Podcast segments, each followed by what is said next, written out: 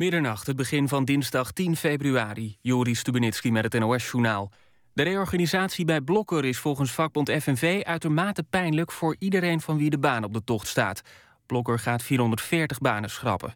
Verder gaat het bedrijf winkels vernieuwen om de concurrentie beter aan te kunnen.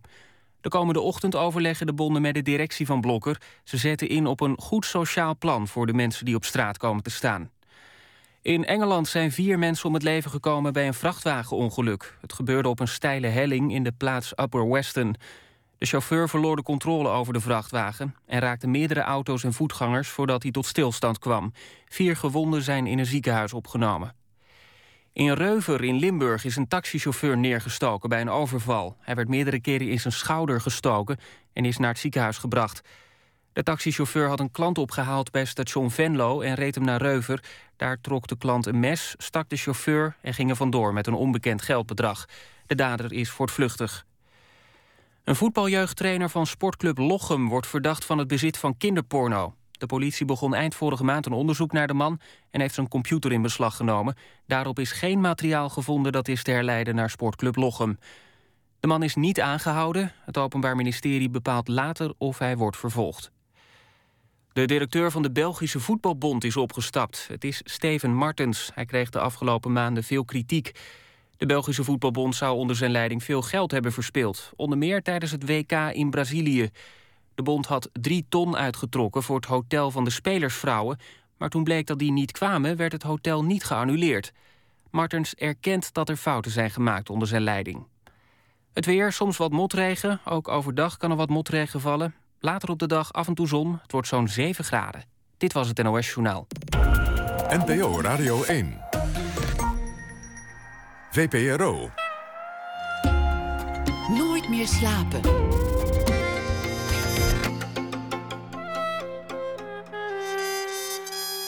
Met Pieter van der Wielen. Goedenacht en welkom bij Nooit meer slapen. Een uh, pleidooi voor de terugkeer van de aardappel. Ondanks uh, superfood en uh, koolhydraatvrij. De locatie van het evenement was het Rijksmuseum. Na één uur een verslag van deze bijeenkomst. Carolina Trujillo die, schrijft deze week elke dag een verhaal over de voorbijgegaane dag. En zij zal voordragen na één uur. We beginnen met Janne Schra.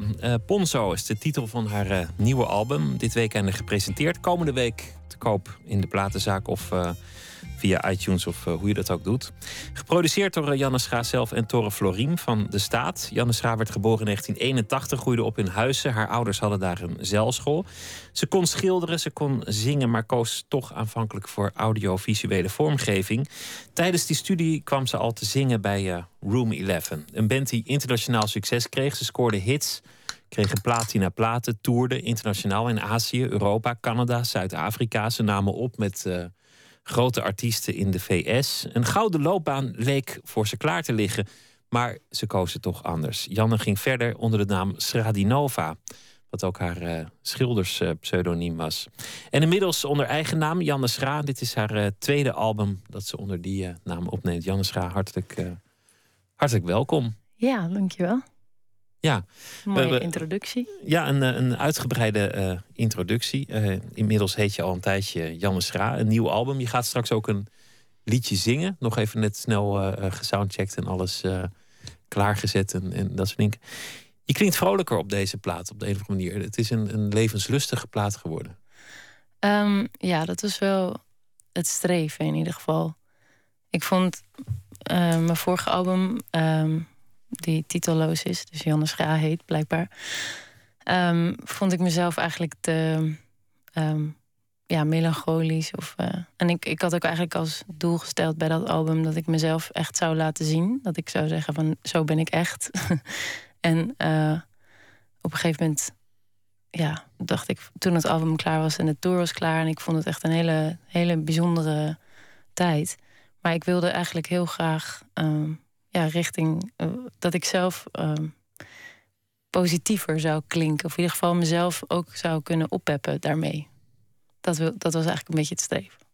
Dus eigenlijk een plaats die jou zelf vrolijker maakt dan je misschien uh, aanvankelijk voor het opzetten van het album zou zijn. Ja, ja dat was het doel. Dus, dus eigenlijk gewoon um, nou ja, empowerment zou je dat in de, in de positieve psychologie noemen. Dat, ja, jezelf, dat. Uh, jezelf bekrachtigen. Ik zei net, um, en, en dit verhaal is, is wel vaker verteld. Eigenlijk lag er een moment dat iedereen dacht van goh, hun, hun bedje is gespreid. Die, de, die gouden weg die ligt klaar voor, voor Room 11.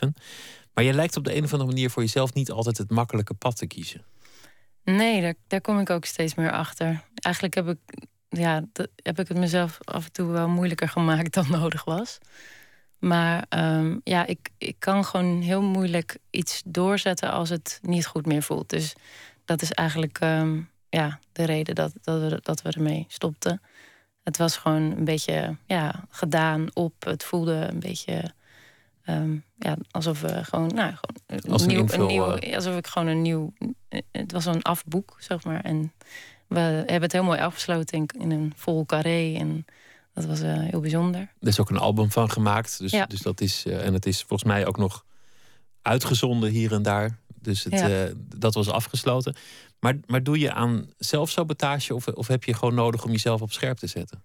Ja, nee, ik, ik had gewoon echt heel erg de behoefte om vrij te zijn en om een kant op te rennen. En ik had een, een, producer had ik gevonden en daar wilde ik mee gaan schrijven. En daar wilde ik, ik had een, een in Zweden en daar is dat Schelinova album dus uitgekomen. En dat was een hele fijne ja, sp speeltuin eigenlijk, want um, ja, Universal had alle vertrouwen in dat het uh, allemaal zo goed zou komen en zo. En natuurlijk is het gewoon, als je zodra je van naam verandert, dan, dan, dan vallen blijkbaar uh, 80% van de mensen af. Omdat ze gewoon die naam kennen ze, maar verder kennen ze niet degene die daar uh, onder zaten. Nee, dat is toch een soort marketingwet. Dat, je, Ja. dat een band ook een merk is of, of een bekende naam. Ja, maar dat had ik op zich ook wel verwacht. Maar dus ja, en eigenlijk vind ik het ook helemaal niet echt belangrijk of zo. In die zin dat het, ja, ik, ik ga er gewoon voor dat ik, dat ik in ieder geval maak wat ik wil maken. En ja, blijkbaar um, vallen er dan mensen af, maar dat, dat, er komen ook weer andere soort mensen bij. Dus dat is altijd wel. Ik geloof daar wel in, in ieder geval. Het werk staat voorop, de, de muziek staat Ja, voorop. ja. En wat er verder mee gebeurt, dat, dat is secundair. Dat komt later. Ja, dat komt later. Het gaat er gewoon ja, inderdaad om dat, dat ik het in ieder geval goed genoeg vind. Ik heb wel eens het verhaal gehoord dat je, dat je na een glamour fotoshoot de, de volgende dag wakker werd en dacht: "Mm, Weet je, ik, dit is toch niet helemaal mijn leven. Ik ga me aanmelden bij de thuiszorg als vrijwilliger. Oh, dat is een gek verhaal. Nee, ik denk niet dat het helemaal klopt. Maar, want, uh, nee, ik heb in het begin van Room 11 heb ik thuiszorg gedaan. Wat een hele leuke ervaring was. maar dat was niet een soort contrast met een, met een glamour fotoshoot. Nee, nee, maar ik heb wel, ja, ik, ik heb daar wel altijd een beetje moeite mee gehad. Van, van waar is nou de grens uh, van wat je laat zien van jezelf of zo. En ik ben aan de ene kant heel makkelijk en ik, ik praat over alles. Ik kan, ik kan om alles vragen, maar ik heb met, ja, als het zodra het gaat over één onderwerp, als van wat is jouw favoriete, of over je kleding of zo, dan word ik altijd heel erg, ja, een beetje kriebelig van, zeg maar. Ik denk van nee, dit, dit, dit is helemaal niet wat ik wil vertellen. Het is niet het verhaal wat je probeert over Nee. te brengen. Nee. De nieuwe plaat, je bent um, alweer een tijdje terug verhuisd. Je, je groeide op in Huizen, daarna kwam je terecht in Utrecht. Room 11 was een Utrechtse band, daarna was het Amsterdam en nu is het Nijmegen sinds een tijdje. Ja, En, Weet je, je hebt goed juist. en deze plaat is, is ook, ja, dit is ook de tijd van de, de thuisopname, is ook aan huis opgenomen, heb ik begrepen. Ja, ja dus um, nou, ik um, samen met Tol Vlerien. En um, ik noem ook vaak muzikant en, de, en de, de producer ook. Ja, hij, hij is de frontman van de staat. En um, ja, we, we hadden alle ruimte bij ons thuis om, om het uh, thuis op te nemen. Zijn studio stond helemaal daar uitgestald. En um, ja, hij heeft eigenlijk gewoon het, de, nou ja, uh, wat tijd ingeruimd zeg maar, om mijn album te kunnen doen. En uh, het was voor hem ook nieuw om iemand anders eigenlijk te produceren. Of tenminste, dat heeft hij wel vaker gedaan. Maar dan alleen maar een paar liedjes. En nu was het een heel album voor iemand anders. En dat was voor hem weer een hele leerzame tijd. Maar ik vind dus dat hij dat heel erg goed heeft gedaan. Hij luistert ook mee, dus ik ben ineens helemaal bewust van hoe ik dit ga zeggen. Ooit hoor. Nou ja, de, de, de productie is, is buitengewoon knap. De, het is hoorbaar dat er heel veel. Uh, mensen hebben de plaat nog niet gehoord, maar het is, het is hoorbaar dat er heel veel aandacht en gedachten in zijn gaan zitten om um, sferen, arrangementen, om, om geluiden, om dat heel slim te doen. Het is, het is een heel uh, intelligente plaat geworden in die zin. Ook productioneel. jullie, hebben, jullie hebben niks uh, ervan afgemaakt. Er was duidelijk ook geen haast in studiotijd. Nee, en dat, dat vind ik dus heel fijn aan uh, thuis opnemen. Want ja, we hebben er eigenlijk gewoon een half jaar over kunnen doen. En, maar dan niet aan ingesloten natuurlijk. Maar het gewoon, staat heel erg tegenover hoe ik dat gewend was. Namelijk gewoon twee weken ergens afspreken en dan, nou ja, dan was het af. Dus dan had je ook het gevoel van, oké, is dit het nou?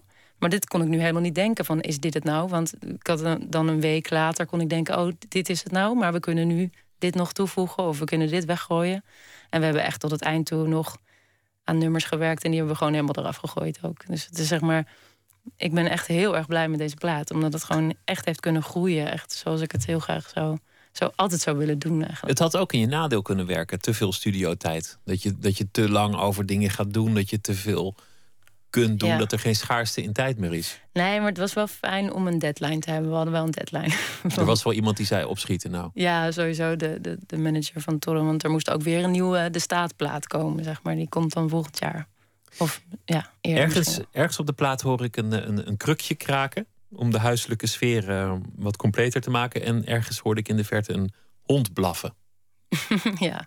Maar die, die hond is volgens mij niet echt de hond van de buren. Nee, nee, nee. nee die had, ja, die hadden wel een hond, maar die blafte nooit. Um, maar nee, die hebben we in Portugal opgenomen. Toen waren we daar op vakantie. En eigenlijk was dat zeg maar midden in het proces um, van, van opnemen. En toen hebben we daar ook nog weer geschreven en zo. En toen had ik af en toe wat geluiden opgenomen. Zoals ook, er zit ook het tikken van de regen. Um, in, uh, op een tentdoek in van, van tent. Kortom, een sferische ding. Als, als de producer, want, want de producer is ook een beetje de baas als iemand een plaat maakt. Dus de artiest die levert zich toch uit aan een producer die zegt: Nou, ik heb nog twee liedjes nodig en dit mm vind ik minder sterk. Maar in, in dit geval is het natuurlijk ook nog zo dat de producer de geliefde is en dat jullie samen in dat huis wonen. Dat kan, dat kan makkelijk heel intens worden. Ja, ja, en daarom was het heel fijn om heel veel tijd te hebben. Dan kon je ook af en toe zeggen: Nou, heb ik even geen zin meer. En uh, dan ga ik even naar de Albert Heijn en dan ben ik er even klaar mee. Dus dat, dat gebeurde ook wel eens hoor. Maar, um, maar eigenlijk hebben we niet echt veel oneenigheid gehad, omdat het gewoon vaak ontstond. En ik, ik, ik heb hem ook heel erg vrijgelaten in, om dingen te. Hij is heel erg iemand die, die een soort van als een soort professor achter zijn computer gaat hij dan allemaal dingetjes zitten toevoegen. En dan kom je terug en dan is er een hele sfeer bijgekomen. En dan hoor je dat in de eerste instantie niet eens. Maar dat, ja, dat zijn van die magische producers dingen die hij dan echt toevoegt. Jouw liedjes, ik, ik weet niet hoe ze beginnen. Soms, soms zijn ze heel kaal, heel, heel naakt. Je gaat straks ook iets spelen alleen met een gitaar. Dan, dan hoor je eigenlijk het skelet van een, van een liedje. Maar daarna gebeurt er van alles. Nou was Room 11 vrij jazz georiënteerd. Daarna ben je eigenlijk heel veel kanten op gegaan als het gaat over genres. Uh, jaren 50 invloeden, uh, soms wat meer jaren 70 pop, af en toe richting, richting Amerikaanse dingen. Het lijkt wel alsof je verschillende versies uitprobeert van liedjes tot je de versie hebt die werkt. Is dat hoe het gaat? Um, nou, meestal wordt een liedje, zeg maar, inderdaad in de basis opgenomen, zeg maar, zo als een demo. En dan, dan groeit het uit, of met een band, of of inderdaad via een producer. Of ja, in, in het geval van Room 11, die, jongens waren allemaal van die conservatorium jazz gasten. En, dan werd het dat Dan werd het dat. En terwijl het in de basis waren het gewoon singer-songwriter liedjes eigenlijk. Die ik dan samen met Arjen schreef. En, of, of alleen, of, of weer met iemand anders. Maar ja, het is wel... Um, ik, ik heb, ben helemaal niet echt muzikaal opgevoed, zeg maar. Als in mijn ouders, die hadden niet veel, die hadden niet veel platen. En uh, ik heb nooit heel erg die genres begrepen, zeg maar. Dus het was voor mij altijd weer eh, iets nieuws als ik dacht van... oh, dit is mooi, dit is mooi, wat is dit dan? En dan, dan, dan wisten zij dat wel, maar dat, ja, langzaamaan kom je erachter... oh, er zijn dus hokjes in de wereld en dit, dit hoort hierbij en dit hoort hierbij. Maar, voor jou is er nooit bestaan? Nee, nee. Wat luisterde je thuis? Wat, wat luisterden je ouders en, en jij daarmee ook? Nee, mijn ouders luisterden dus echt nooit muziek. Dat is dus heel gek. Maar ja, die waren ook eigenlijk altijd aan het werk. Of die waren... Op het water met een bootje. ja, die waren op het water. Heel romantisch. Ehm, maar um, ja, op een gegeven moment... Uh, nee, ik weet ook nog heel erg... De, we gingen verhuizen en uh, toen ging de plaatspeler... Die ging niet mee, maar toen kreeg ik een cd-speler. En toen kwam er echt één cd in huis. Gewoon de de vier jaargetijden van Jaap van Zweden. oh, nou ja, oké. Niet mal, toch? Nee, en op, oh ja, en toen op een gegeven moment kwam er nog één. En dat was een Franse chanson CD. En die vond ik wel heel leuk. Toen was ik twaalf. En toen, toen hoorde ik Eartha Kitt voor het eerst. En dat was echt mijn favoriete liedje. Want ik dacht, ja, er zijn ook niet zo heel veel liedjes op de wereld. En de liedjes die ik schrijf achter de piano, die, die voegen echt wat toe. Want er is gewoon nog niet zo heel veel muziek. Echt serieus, ik dacht niet dat er heel veel muziek was. Dat is een beetje raar, maar ik deed ook niet echt onderzoek. ik kwam, kwam niet echt uh, achter. En op een gegeven moment kwam ik er wel achter natuurlijk. Toen ik 16, 15, 16 was, toen, uh, toen leerde ik Bonnie Raitt kennen. En daar was ik toen wel vrij snel echt fan van. En, uh, Fiona Apple, geloof ik. Fiona Apple, Portishead. En eigenlijk al die, die elementen van dingen die me echt hebben geraakt... die zitten nu ook wel stiekem soms een beetje in mijn muziek. Die beperking is misschien ook wel een voordeel geweest. omdat je, nou, zoals je zegt, dat je dan zelf maar muziek gaat schrijven als er weinig muziek is. Dat je ook denkt dat je muziek... Je denkt niet alles is al gemaakt, want je, want je kent misschien weinig. En de muziek die er is, die zul je veel beter beluisteren... omdat je het vaker hoort. Um. Ja, wie weet. even niet. Little Bamboo is de, de single. Je hebt daar ook een, een uh, videoclip uh, voor opgenomen, als het nog zo heet. Met uh, Tekla Reuten. Ja. Dat is, het filmpje gaat heel erg over vriendschap. Vriendschap tussen twee vrouwen. Ja, ja het filmpje inderdaad. Maar, hoe, je, hoe je eigenlijk um, weer terug kan zijn uh, ja, je, je, hebt gewoon als kind heb je bepaalde dromerigheid waarin je soms helemaal kan verdwijnen. En die heb je eigenlijk niet meer zo, zo vaak als je, als je wat ouder bent. Tenminste, je raast veel sneller door. En het is heel grappig, want uh, we hebben dat uh, clipje opgenomen in Budapest, in het huis van Jaap Scholte. En, ehm, en we zijn echt weer terugbeland in zo'n hele fijne, rustige, maar aanklooien en een beetje rommelen. En uiteindelijk is dat gewoon gefilmd door een andere vriendin van ons. En, Jaap Scholte, de, de schrijver die ook heeft geschreven over de, de oude Transylvanische adel. Ja. In, in, die omgeving speelt het ook een beetje. Zo'n mooi oud landhuis. Ja, ja. Ja, wij spelen dan dat we die de kind, ja, zeg maar twee zussen of vriendinnen zijn die daar altijd al hebben rondgedwaald in dat huis. En dan weer terug zijn en dan weer in diezelfde dromerigheid vervallen, zeg maar. En het gaat ook over uh, buigzaamheid, maar daar gaan we straks over praten. Hier is het nummer Little Bamboo van de plaat Ponzo.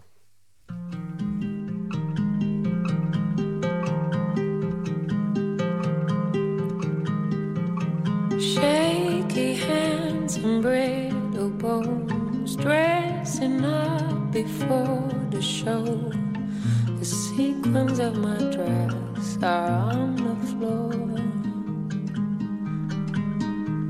I know that you won't break so soon. Strength is hiding in the root. I'm trying to find that too. If only you knew I am holding on to you. Cause I have never learned to bend like you do. If only you knew how much I look up to you.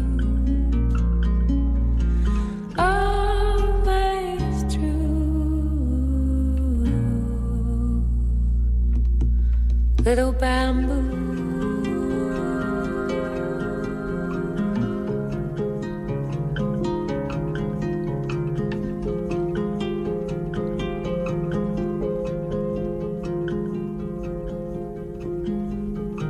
Firm and solid, safe and sound, standing steadily on the ground. If I fall, I won't bounce back. I know that I'll break someday. Strength is something I portray. I will never show my cracks.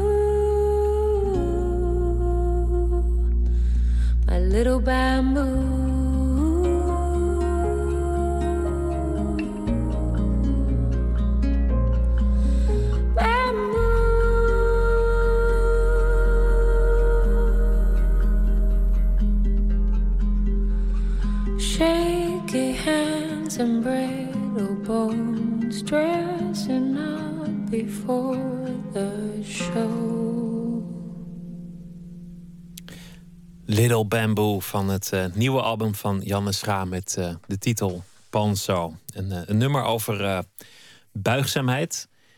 Ik heb me laten vertellen dat je, dat je de laatste tijd helemaal gegrepen bent door de filosofie. ik weet niet of dat overdreven is. Maar... Ja, dat is wel lichtelijk overdreven. Want ja, er, er valt zoveel over te lezen. En ik heb echt maar het tipje van de ijsberg heb ik maar ontdekt. Maar ik ben wel heel erg blij dat ik het heb ontdekt.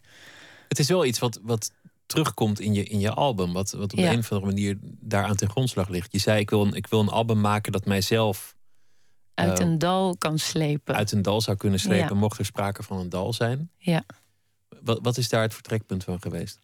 Nou ja, ik kwam er eigenlijk achter dat ik wel al heel lang heb ik, leef ik echt in van ups en downs. En ja, die, die ups werden steeds upper en die downs werden steeds downer en langer eigenlijk soms ook.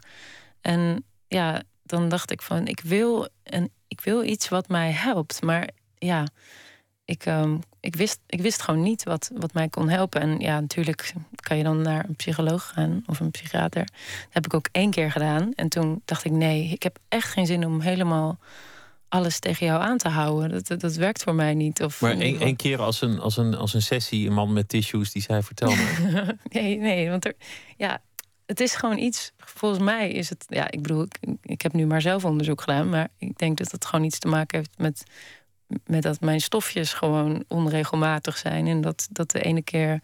Um, dan zie ik de hele wereld zie ik, uh, prachtig en uh, fantastisch. Zie ik de, hoe mooi de, de, het licht door de blaadjes heen komt. En de andere keer dan zie ik alles zwart. Dus dan, ja, het is gewoon. Weinig in het midden. Weinig, weinig in het midden. Weinig, ja. Dat is een goede eigenschap voor een artiest, lijkt me.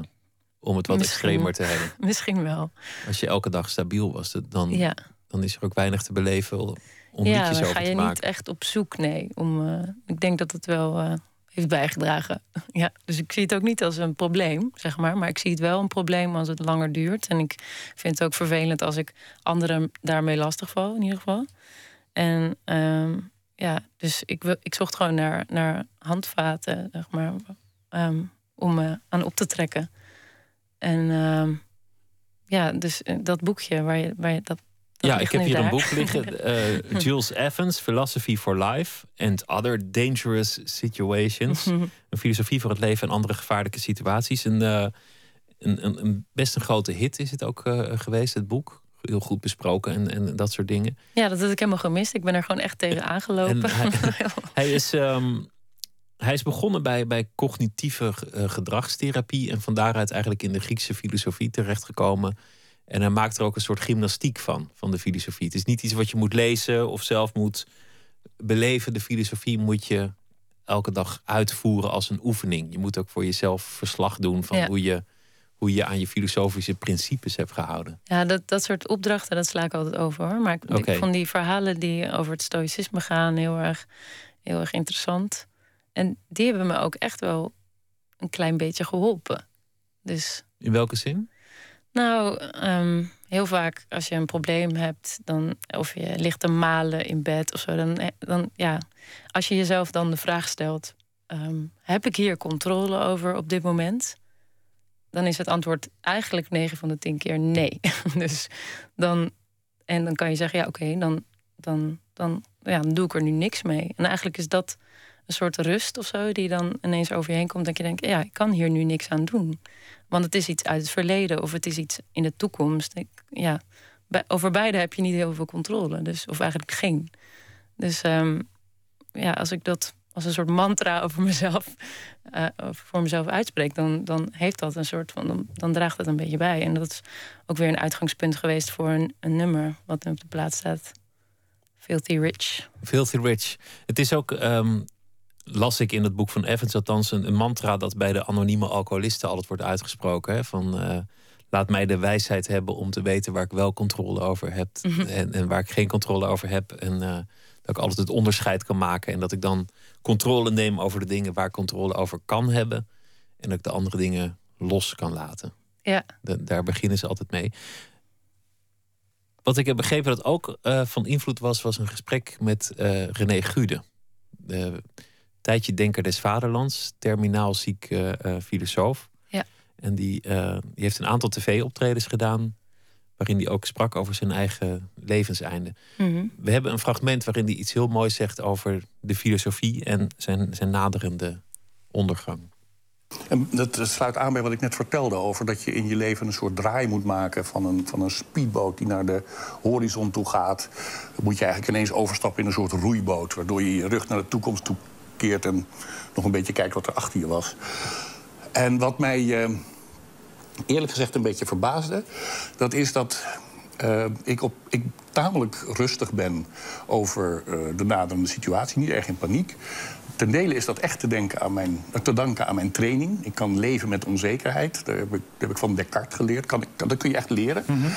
Maar wat mij wel een beetje verbaasde, dat is dat, dat een deel van, van het, het gemak waarmee ik uh, de, de zeer korte toekomst tegemoet ga, is dat ik uh, het leven ook, uh, dat het leven ook echt zwaar is. Het leven is af en toe gewoon zwaar. Het, je, je moet iedere ochtend uit je nest komen en je moet uh, vanaf je jongs af aan moet je op school iets flikken. Je moet iets met vrienden en vriendinnetjes moet je iets regelen. Je moet een baan zien te krijgen. Je moet een gezin stichten. Er is een ongelofelijke hoop gedoe. Is het ook, hè? Ja. En al die tijd zit je daarvan te houden. Maar, maar het is eigenlijk misschien niet eens zo'n gekke tip... om terwijl je bezig bent van het leven iets te maken... om niet helemaal te vergeten dat het leven ook bewerkelijk is. En een gedoetje. En het idiote is dat datgene wat je, wat je tijdens je actieve leven probeert te overkomen... dat is datgene wat je misschien troost kan geven op het moment dat je eruit gaat. Ik vind het zelf een krankzinnige gedachte, maar... Laat ik zo zeggen, toen ik deze gedachte bij mezelf aantrof, was ik verbaasd. René Gude, nou, prachtig vind ik, Ja. wat hij daarover zegt. Ja, zeker. Een beetje tof. Je hebt hem ook ontmoet. Mhm. Hoe, hoe is dat gegaan? Ehm, ja, ik ehm, was. ehm, ja, ik had dus dat eh, 24 uur met eh, Theo Maassen gezien. Of nee, niet Theo, ja, met Theo Maassen, maar ook met René Goede. Ja. En ja, dat vond ik heel, heel inspirerend. Van hoe, hoe positief hij in het leven kan staan met één been, ook nog eens. En, en aangevreten door de kanker. Ja, dus gewoon als jij met een gezond lichaam en, eh, en zonder al te veel gedoe nog een zwarte dag kan hebben, dan vind ik het zo veel waard als, om iemand te zien die dat eh, niet heeft en gewoon een vrolijke toon kan opzetten. Dat vind ik, eh, ja. Heel vrolijk voor wat ik ervan gezien heb in het leven staat, Ja. eigenlijk. Ja. Terwijl, als je nadenkt, wat is ongeveer het ergste wat je kan gebeuren? Mhm. Nou ja, iets, iets met je naaste, iets met jezelf, een erge Ja. ziekte. Dit, dit valt daar wel onder. Ja. En desalniettemin is daar die man die dat lot tegemoet treedt en Ja. Met, een, met een zekere rust. Ja, en ik, ja, ik heb toen zijn luisterboek eh, gekocht. En ik, ik, ik had hem elke dag in, in de auto op. En eh, toen had ik dat op een gegeven moment naar hem getwitterd. Van, hé hey René, ik luisterde alleen nog maar naar jou. En toen had hij teruggetwitterd. Hé hey Janne, wat heerlijk. Ik eh, luister alleen nog maar naar jou. en toen, eh, en toen eh, nou, waren we Twitter-vrienden. En toen zei hij, kom maar een keer op de koffie. En toen ben ik langsgekomen. En, eh, Op toen- zijn boot. ja, toen zei ik ook van, ik, ik het lijkt me heel erg leuk als jij mij een onderwerp aanreikt van iets waar jij eventueel een, een liedje van zou willen. En dan, dat was precies dit onderwerp eigenlijk, van die roeiboot en die speedboot. Daar heb ik een opzetje voor gemaakt, maar ik, ik, ik, ik heb nu niet de, ja, het lukt me niet ja, om het eh, eh, eh, perfect af te maken. Dat, gaat pas, dat moet even rijpen en... Dat kan nog wel, Ja. dat kan nog wel een keer gebeuren. Wat, wat Gude ook wilde doen toen die Denker des Vaderlands was, was ehm, of misschien is hij dat eigenlijk nog wel, dat, dat, hou me ten goede. Maar die, ehm, hij wilde ook een beweging opzetten Ja. waarin, waarin we het positief denken ten lande zouden verspreiden. humeurmanagement. Het humeurmanagement. Ja, en volgens mij is die daar ook gewoon nog steeds wel een beetje mee bezig. En ja, heb ik ook wel gevraagd van, hé, hey, hoe zit het daar nou mee? Want dat vind ik dus heel erg boeiend, omdat eh, ja, over Nederland, zeg maar, dat, dat zou heel gaaf zijn als we zeg maar zouden dat introduceren in, ehm, ja, op, op middelbare scholen of op, ja, misschien zelfs op basisscholen, omdat je dan ja, mensen wel eh, leert om, om met hun emoties om te gaan. En om te denken van oké, eh, het regent buiten, heeft het zin om te schreeuwen? Nee, heeft geen zin om te schreeuwen, want ik heb er geen controle over. Of weet je wel, dat soort dingen. En is het erg om onzeker te zijn? Nee, het is niet erg om onzeker te zijn.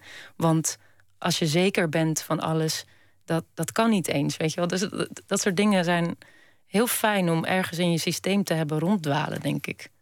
En je bent zelf de baas over je gedachten. Dat is wat die Jules Evans zegt. Dat is wat mm. René Gude zegt. En ook wat die Stoïcijnen zeggen. Dat je je gedachten. Je bent niet een product van je gedachten. Nou, mm. voor een deel wel. Maar je gedachten zijn ook een product van jou. En die kun je sturen. Jij kunt zelf je humeur bepalen. Je kunt zelf ja, dat, nou, beslissen hoe je over dingen denkt. Dat vind ik wel uh, iets tricky of zo. Want het is natuurlijk wel als je dan inderdaad midden in de nacht wakker wordt. Eh, of wakker blijft, omdat je gewoon je gedachten met jou aan de haal gaan. Dan kan je je dus afvragen van wie is, wie is die? Wie, wie is diegene die tegen mij praat? Um, dat is gewoon, uh, ja, dat ben je zelf. Maar daar heb je dus niet echt per se controle over. Het enige wat je kan, kan denken is: Nou, dit is dan maar zo. dit praat tegen mij. Oké, kom maar op. Het heeft jou heel veel gebracht. Inspiratie, maar ook, ook in je leven. Je kunt jezelf oppeppen, uh, eruit slepen. Dat, zou, zou jij ook echt helemaal vast kunnen lopen? Of, of is dat risico er geweest?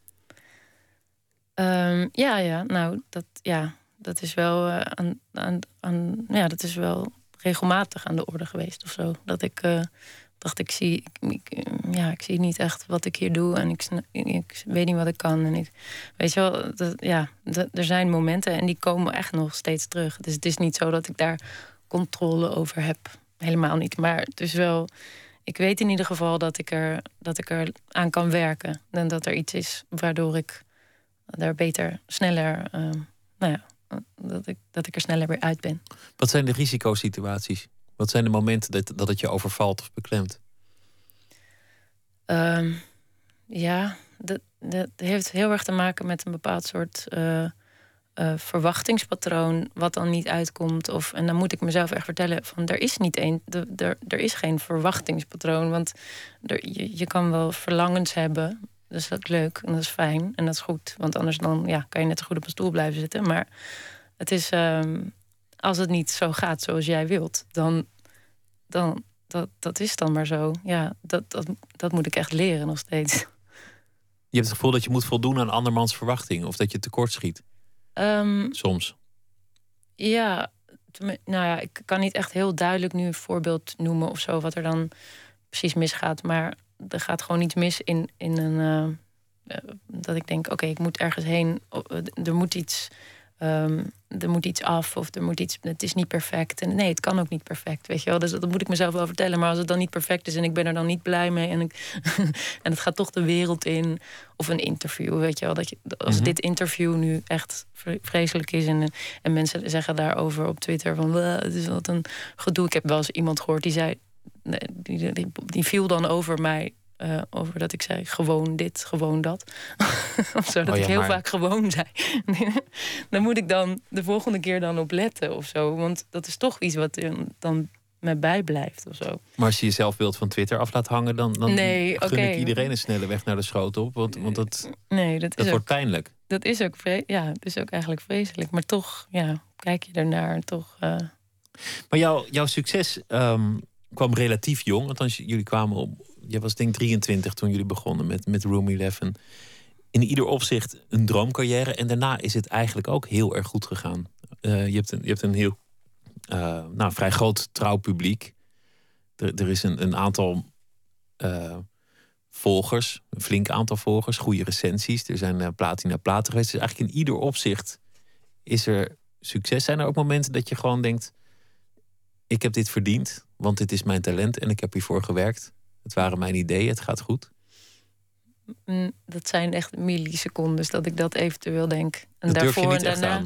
Nee, daarvoor en daarna denk ik: oh, wacht even, ik moet nog even, ik moet dit nog afmaken, want dan, anders dan, dan, weet je, er is altijd wel weer iets op, inderdaad op de horizon waar ik heen wil. En inderdaad die speedboot van nee, daar wil ik de hele tijd maar in zitten. Omdat het moment eigenlijk voelt altijd onaf. En, en dat is ook wel iets wat ik me heb gerealiseerd. Dat ik denk van ja, Dat heeft, heeft ook heel erg te maken met de, de, de gesprekken van Alan Watts, waar ik heel veel naar Mhm. luister. Ehm, dat ja, er is helemaal geen doel. en Er is helemaal geen. ehm, ja, wat is de zin van het leven? Ehm, misschien is er wel helemaal geen zin.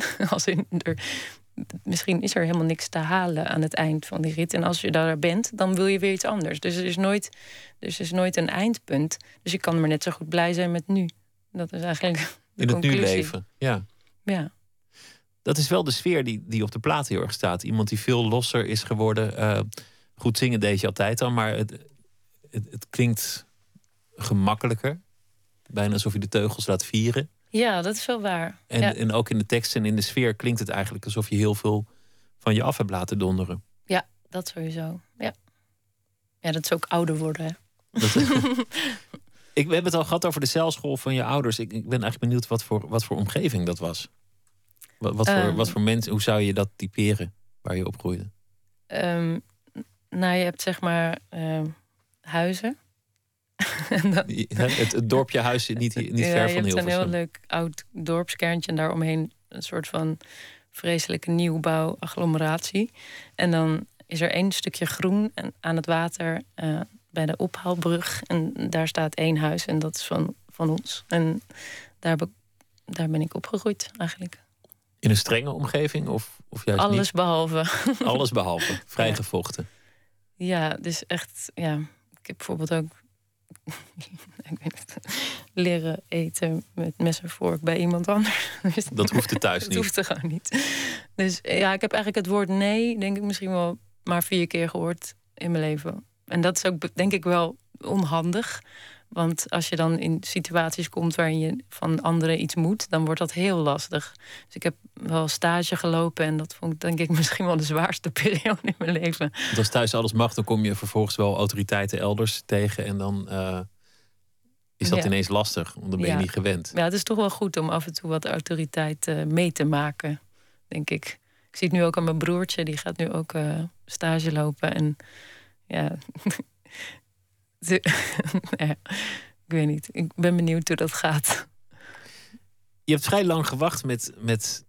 Nou ja, vrij lang. Je was vrij jong in de carrière. eh, was je al muzikant. Maar eigenlijk leek je toch steeds andere keuzes te maken aanvankelijk. Er, er lijkt niet een soort moment dat je echt koos. Ja, ik dacht niet Nu dat ben ik kon. muzikant. Ik vraag me af of die keuze eigenlijk nu wel hebt gemaakt.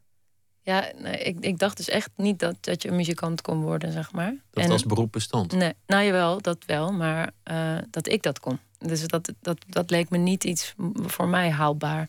Dus ik ben ja, ook niet auditie gaan doen op het conservatorium, want ik kon ook geen noten lezen. En ja, dat leek me toch wel iets voor hyperintelligente mensen. En ja, daar ben ik toen gewoon langsgelopen en, en heb ik me ingeschreven bij film, eh, audiovisuele media in Hilversum. En aan de HKU eigenlijk, een soort dependance.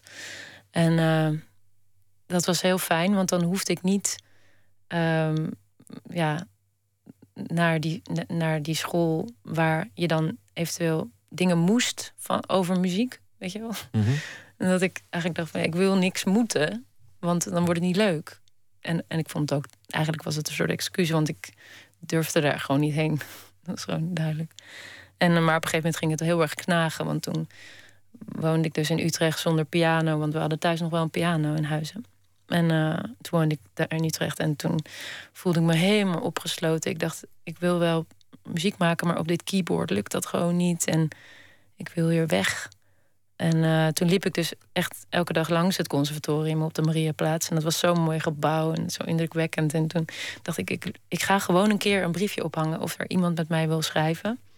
En eh, nou ja, toen reageerde er dus één iemand. En daar ben ik eigenlijk ook Room 11 mee begonnen met Arjen. Geniet je van toeren? Want, want je bent nu een eenmansformatie. Je, je rijdt in je autootje naar een optreden toe. Je ziet daar de band. Het, is- het is veel minder dan het voor veel anderen is. Echt dat gevoel van, van, een, van een band en een bus. En Oh, een, eh, nee. samen op pad. Ja, ik wil heel graag samen op pad, maar iedereen woont ergens anders. Dus dat, en, en gelukkig woont Bram van den Berg, de drummer, wel in, eh, in Nijmegen. Dus ik rij altijd met hem mee. Dat is wel heel fijn. Want je zoekt wel in je, in je creativiteit heel veel andere mensen op om mee samen te werken. En vaak ook onverwachte samenwerkingen. Mhm. Mensen uit de klassieke muziek of, of eh, dan weer uit de jazz of, of eh, in heel andere hoeken. Mensen ook uit andere disciplines. Je, hebt ook al, je flirt ook wel eens met poëzie of met theater of Ja. allerlei disciplines. Dus het lijkt ook wel voor jou heel erg nodig om niet alleen te zijn erin. Maar echt een bandje heb je niet meer. Jawel, ik heb juist nu heel erg een Meer een band- bandje dan ja, ooit. meer een bandje dan ooit eigenlijk. Ja, dat is echt. ehm, ja, ik vind het. Ik vind het ook steeds leuker worden eigenlijk dat eh, samen, samen spelen en ik speel nu ook weer een beetje gitaar erbij en dat is ook wel. Ja, dan, dan kan je ook op het moment dat je niet zingt, hoef je niet aan een of ander dansje te vervallen. Dan kan je gewoon een beetje spelen. En dat is, ehm, ja, dat vind ik wel heel fijn.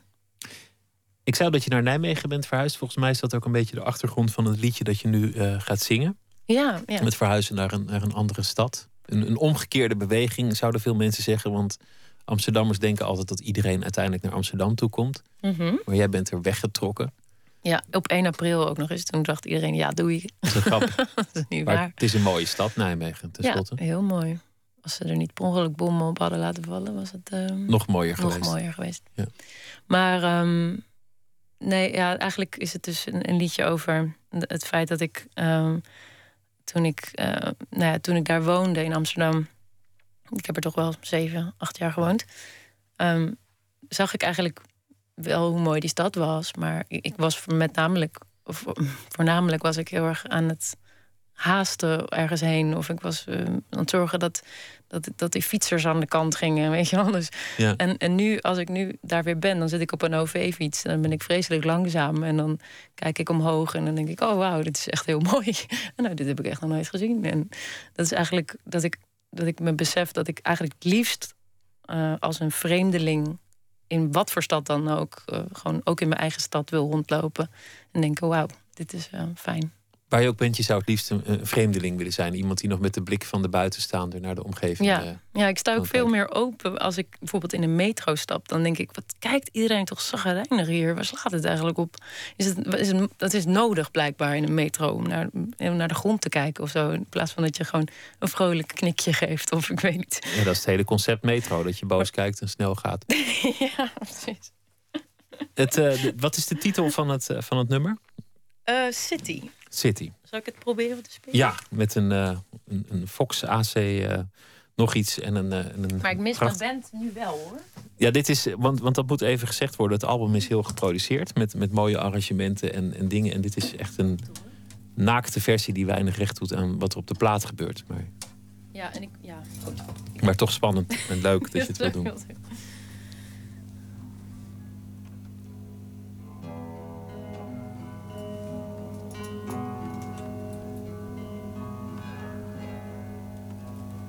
I live in a city, pile of broken dreams, hand me down sunshine.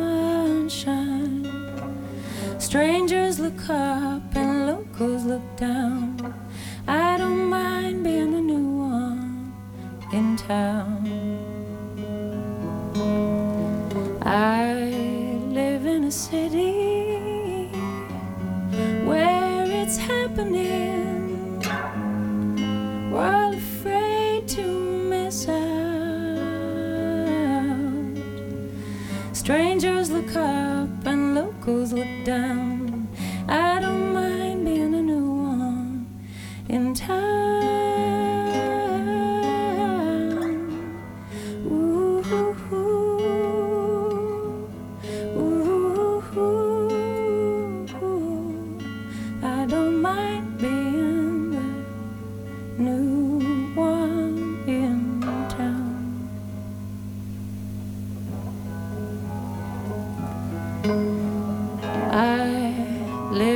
City, light polluted sky. The stars here need light. Strangers look up and locals look down. I don't mind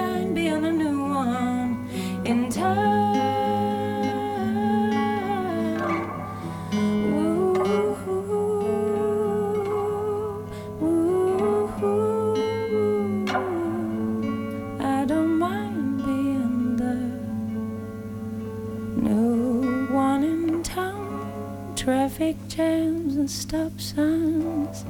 I can move here. Shaded second floor, the walls have ears. I can't hear what I'm thinking. Everything's amplified.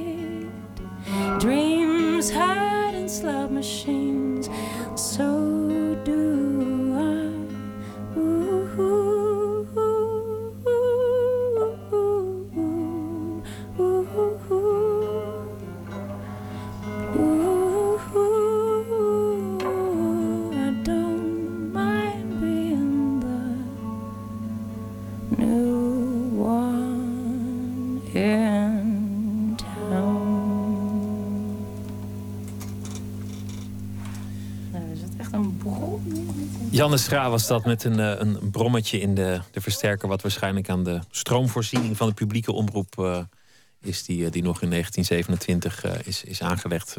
vermoed ik.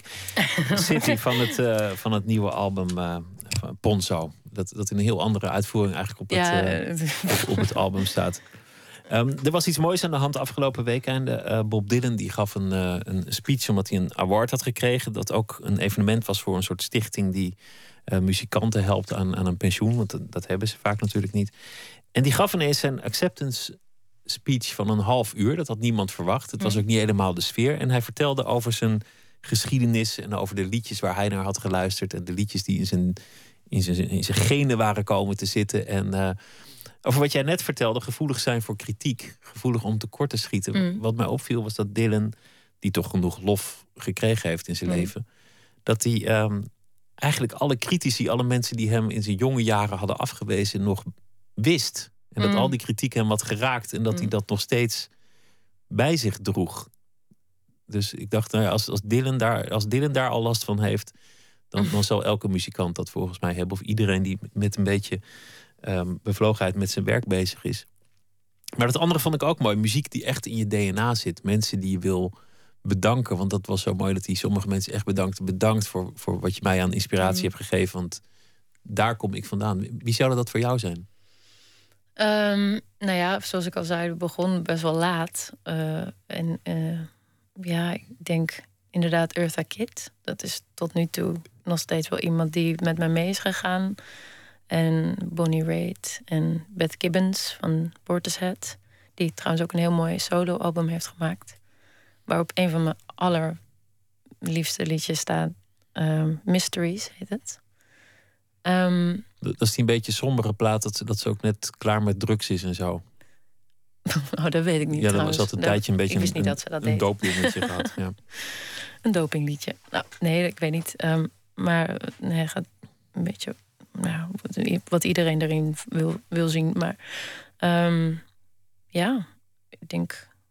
En toen ik wat ouder was. Ja, ik weet niet, ik kan wel heel veel ding, mensen op gaan noemen. Maar Het is, een, het is een enorme lijst, maar ook, Ja. ook uit heel veel verschillende hoeken van, van muziek. Ja. Want het is niet, niet genre gebaseerd, want die, Nee. die, eh, daar deed je niet zo aan. Je bent inmiddels ook op een punt dat- je veel van je idolen ontmoet. Of, of dat je in ieder geval samenwerkt of hebt gewerkt met mensen die, die best groot zijn. Of, of dat er ook complimenten komen uit, uit die hoek.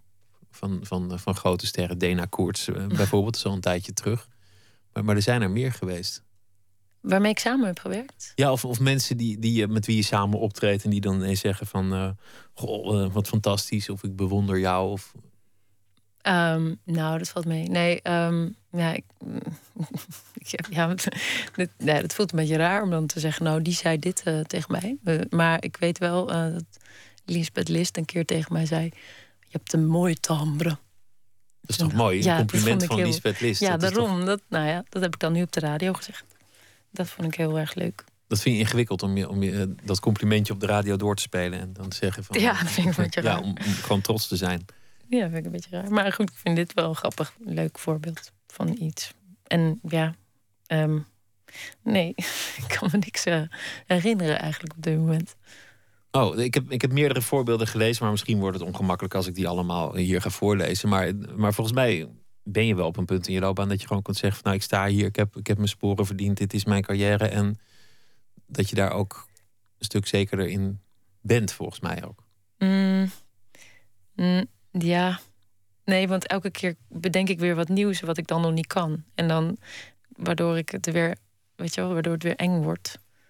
Dus dat, ik denk dat ik dat altijd wel een beetje op blijf zoeken.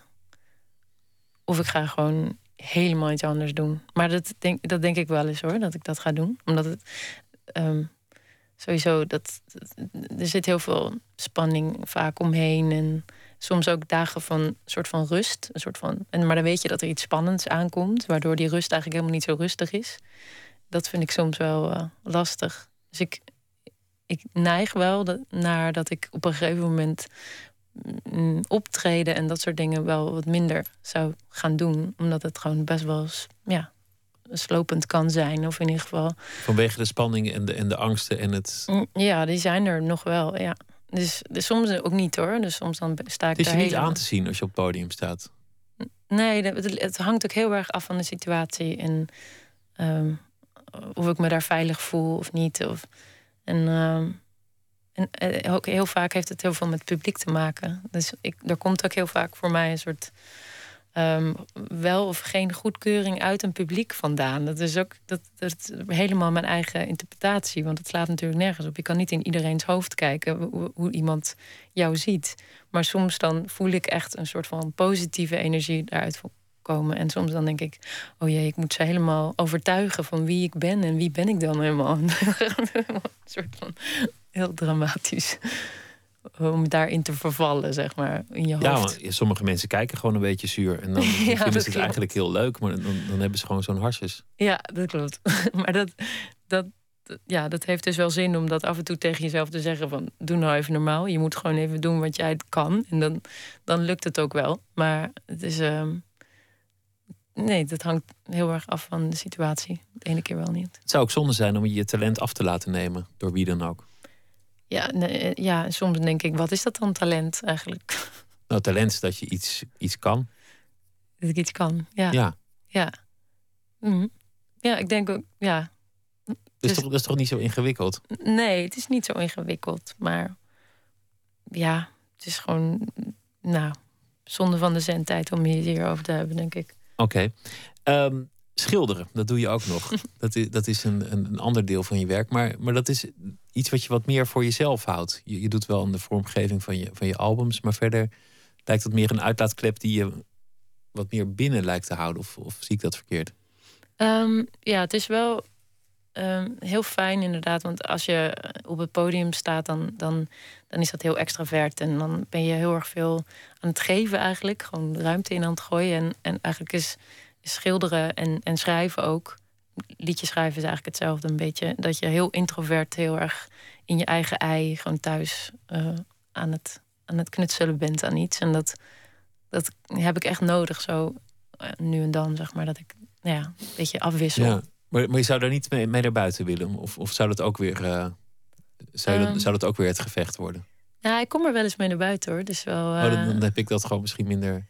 Nee, nee ook weer niet zo, zo heftig. Maar um, ik heb één keer een veiling gehouden. Dat was echt alles wat ik vanaf mijn achttiende tot mijn ja, 25 had gemaakt, heb ik in één keer uh, voor een goed doel gegeven. En uh, daarna dacht ik, oh, wacht. Nou, mensen, mensen wilden het wel. Dus ja, waarom zou ik het dan niet vaker voor andere mensen maken? Dus toen ben ik weer uh, ben ik echt een serie gaan maken. Ook op, op aan, naar aanleiding van een boek van Jaap, uh, van Zweden. Jaap, Jaap. Um, over die Transylvaanse adel. Toen uh, ben ik aan de hand daarvan een aantal portretten gaan maken van adel. En op een gegeven moment toen was ik een beetje aan het stoeien met één schilderij. En toen zocht ik eigenlijk een goede schaduw in iemands gezicht. Want ik begin altijd vanuit mezelf. En dan denk ik, hoe zit die eigenlijk die schaduw? En uh, toen kwam ik uit bij een profielfoto van Erik Corton. Toen dacht ik, oh, hij heeft echt een heel mooi, mooi die schaduw valt heel mooi. Toen had ik hem geprint en toen heb, ben ik gewoon in dat adellijke schilderij ben ik het gezicht van Erik Corton gaan, gaan schilderen, eigenlijk per ongeluk. Baron Corton, ja. Ja, en uh, ja, toen is het uiteindelijk um, werd het echt werd hij gewoon echt Erik Corton, maar een hele statige. En uh, toen heb ik hem laten zien en toen zei hij: Oh, die wil ik hebben. Dus nou heeft hij hem. dat is wel grappig hoe dat is gegaan. In dat boek van, van Jules Evans, waar we het eerder over hadden, uh, Filosofie voor het leven en andere gevaarlijke situaties, daar zegt hij eigenlijk ook op een zeker ogenblik: je, je moet voor, voor, jezelf duidelijk hebben wat je eigenlijk wil van dat bestaan. Want het, het is, het is eindig. Mhm. het, het, uh, je, daar heb je geen invloed op, maar wat er tot die ge tijd gebeurt, je moet gewoon een soort uh, focus hebben van dit is voor mij uiteindelijk belangrijk. Hier gaat het voor mij over in het bestaan. Ja. Wat zou dat voor jou zijn?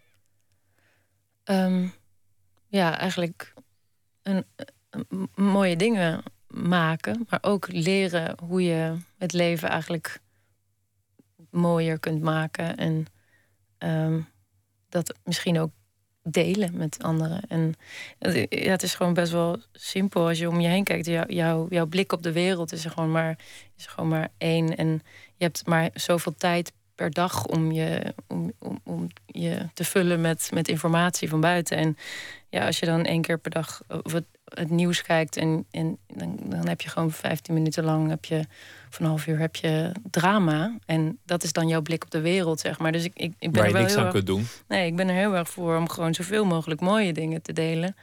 Dus eigenlijk alle, alle, alle sociale media waar je, waar je eventueel iets op kan eh, plakken. Waar, een, een mooi plaatje van dit, een mooi, mooi dat, een leuk filmpje. Eigenlijk is het heel veel. En natuurlijk ook irritant soms. Ik bedoel, Facebook en zo, dat soort dingen. Maar, maar toch draagt het bij aan dat er iemand op een dag eh, misschien een vrolijker wereldbeeld heeft. En muziek draagt daar natuurlijk heel erg aan bij. En ja, je wil eigenlijk, je wil vooral delen. Dus je wil mooie dingen maken, Ja. maar niet, niet voor jezelf alleen. Maar uiteindelijk wil je dat ook de wereld in helpen. Maar dat is ook een Ja. beetje een gevecht. Dat is ook, ook een confrontatie waar je moeite mee hebt. Soms. Ja, soms wel. Maar, Maar ja, je doet het, je hebt het net weer gedaan. Je hebt een album gemaakt, je staat op festivals, je toert. Dus het is ook wel niet zo'n worsteling. Want je, Nee, nee, tuurlijk doet het ik vind wel, het maar- heel leuk. Ik vind Ja. muziek maken vind ik fantastisch. En met mijn band op het podium staan vind ik ook echt geweldig. Nee, het is gewoon echt dat ik, dat ik ja, inderdaad mooie dingen wil delen. En ja, daar ook zelf een beetje plezier uit haal natuurlijk. Want het slaat natuurlijk nergens op dat ik dat alleen maar voor de buitenwereld zou doen. Maar ehm, ik had nog iets bedacht, maar ik weet het niet meer. Nou ja, dat is toch, dat is toch een heel mooie, een mooie kernwaarde in het leven. Dingen willen delen met anderen. Dat is toch zo prachtig op zich. Ja, maar ik, ik had nooit iets zo fantastisch. Echt iets wereldberekend, baanbrekends. Maar dat ben ik vergeten. Die bewaren voor de volgende keer. Je, gaat, ehm, je gaat op tour met, je, met het nieuwe album. Het Ja. album ligt vanaf donderdag in de winkel. En daarna ga ga je toeren. eh, in ieder geval door heel Nederland. Eh, waar kom je allemaal terecht met, eh, met deze plaat? En wa- En waar ga je daarna nog heen? Want ga je ook naar het buitenland? Ehm, nou, er zijn ehm, ja, heel eventueel Japan. Maar dat, dat, dat, dat weet ik nog niet of, hoe dat gaat. Ehm, maar aankomende tijd staan we in Leiden, in Nijmegen, in eh Paradiso in Amsterdam, in Tivoli Utrecht. Ben ik nog iets vergeten? Alkmaar. Een hele lijst. Ik wens je heel veel lijst. plezier en heel veel succes met, eh, met de presentatie van je album. Dank je. Ponzo is de titel. En eh, leuk dat je te gast wilde zijn en ook een liedje wilde spelen. Janne Scha, dank je wel. Dankjewel. En als ik er nog op kom... Oh, Op je, je grote wijsheid moet je twitteren, maar dan moet het wel in 140 Ja. tekens passen. Oh dat is ja. altijd jammer Nee, dat voor wel elke niet. levensfilosofie. In 140 tekens dan. Wat Is- ik wil van het leven, ja.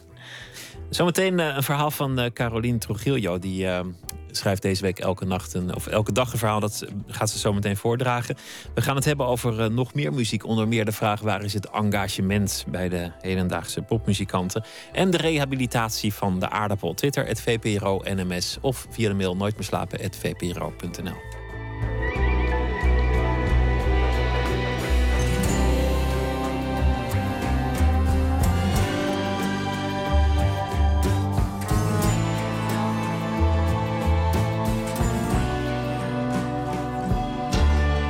Radio 1.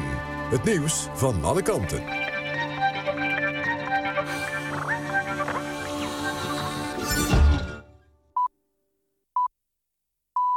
Eén uur, Joris Stubenitski met het NOS-journaal. De reorganisatie bij Blokker is volgens vakbond FNV uitermate pijnlijk voor iedereen van wie de baan op de tocht staat. Blokker gaat 440 banen schrappen. Verder gaat het bedrijf winkels vernieuwen om de concurrentie beter aan te kunnen. De komende ochtend overleggen de bonden met de directie van Blokker. Ze zetten in op een goed sociaal plan voor de mensen die op straat komen te staan. In Marokko hebben 18.000 illegale migranten vorig jaar een verblijfsvergunning gekregen. Ze kregen de papieren vanwege het tijdelijke migrantenbeleid dat eind 2013 door koning Mohammed werd aangekondigd. Dat gebeurde onder druk van Europa. Dat wilde dat Marokko maatregelen nam om de stroom illegale vluchtelingen naar Europa tegen te gaan. In Engeland zijn vier mensen om het leven gekomen bij een vrachtwagenongeluk. Dat gebeurde op een steile helling in de plaats Upper Weston. De chauffeur verloor de controle over de vrachtwagen en raakte meerdere auto's en voetgangers voordat hij tot stilstand kwam. Vier gewonden zijn in een ziekenhuis opgenomen.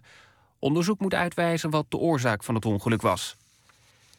De website van de Belgische politicus Philip de Winter is gehackt. Volgens de Vlaams-nationalistische politicus zit een radicale islamitische groepering erachter. Op de site staat een foto van de Winter met de Koran in zijn handen. Daaroverheen is een verbodsteken gezet. Onder de foto schrijven de hackers dat ze Ottomanen zijn die de Koran beschermen. Onlangs noemde de Winter de Koran nog de bron van al het kwaad. Een jeugdvoetbaltrainer van sportclub Lochem wordt verdacht van het bezit van kinderporno. De politie begon eind vorige maand een onderzoek naar de man en heeft zijn computer in beslag genomen. Daarop is geen materiaal gevonden dat is te herleiden naar de sportclub. Het weer, af en toe wat motregen. Ook overdag kan er wat motregen vallen. Later op de dag af en toe zon. Het wordt zo'n 7 graden. Dit was het NOS Journaal. NPO Radio 1. VPRO. Nooit meer slapen.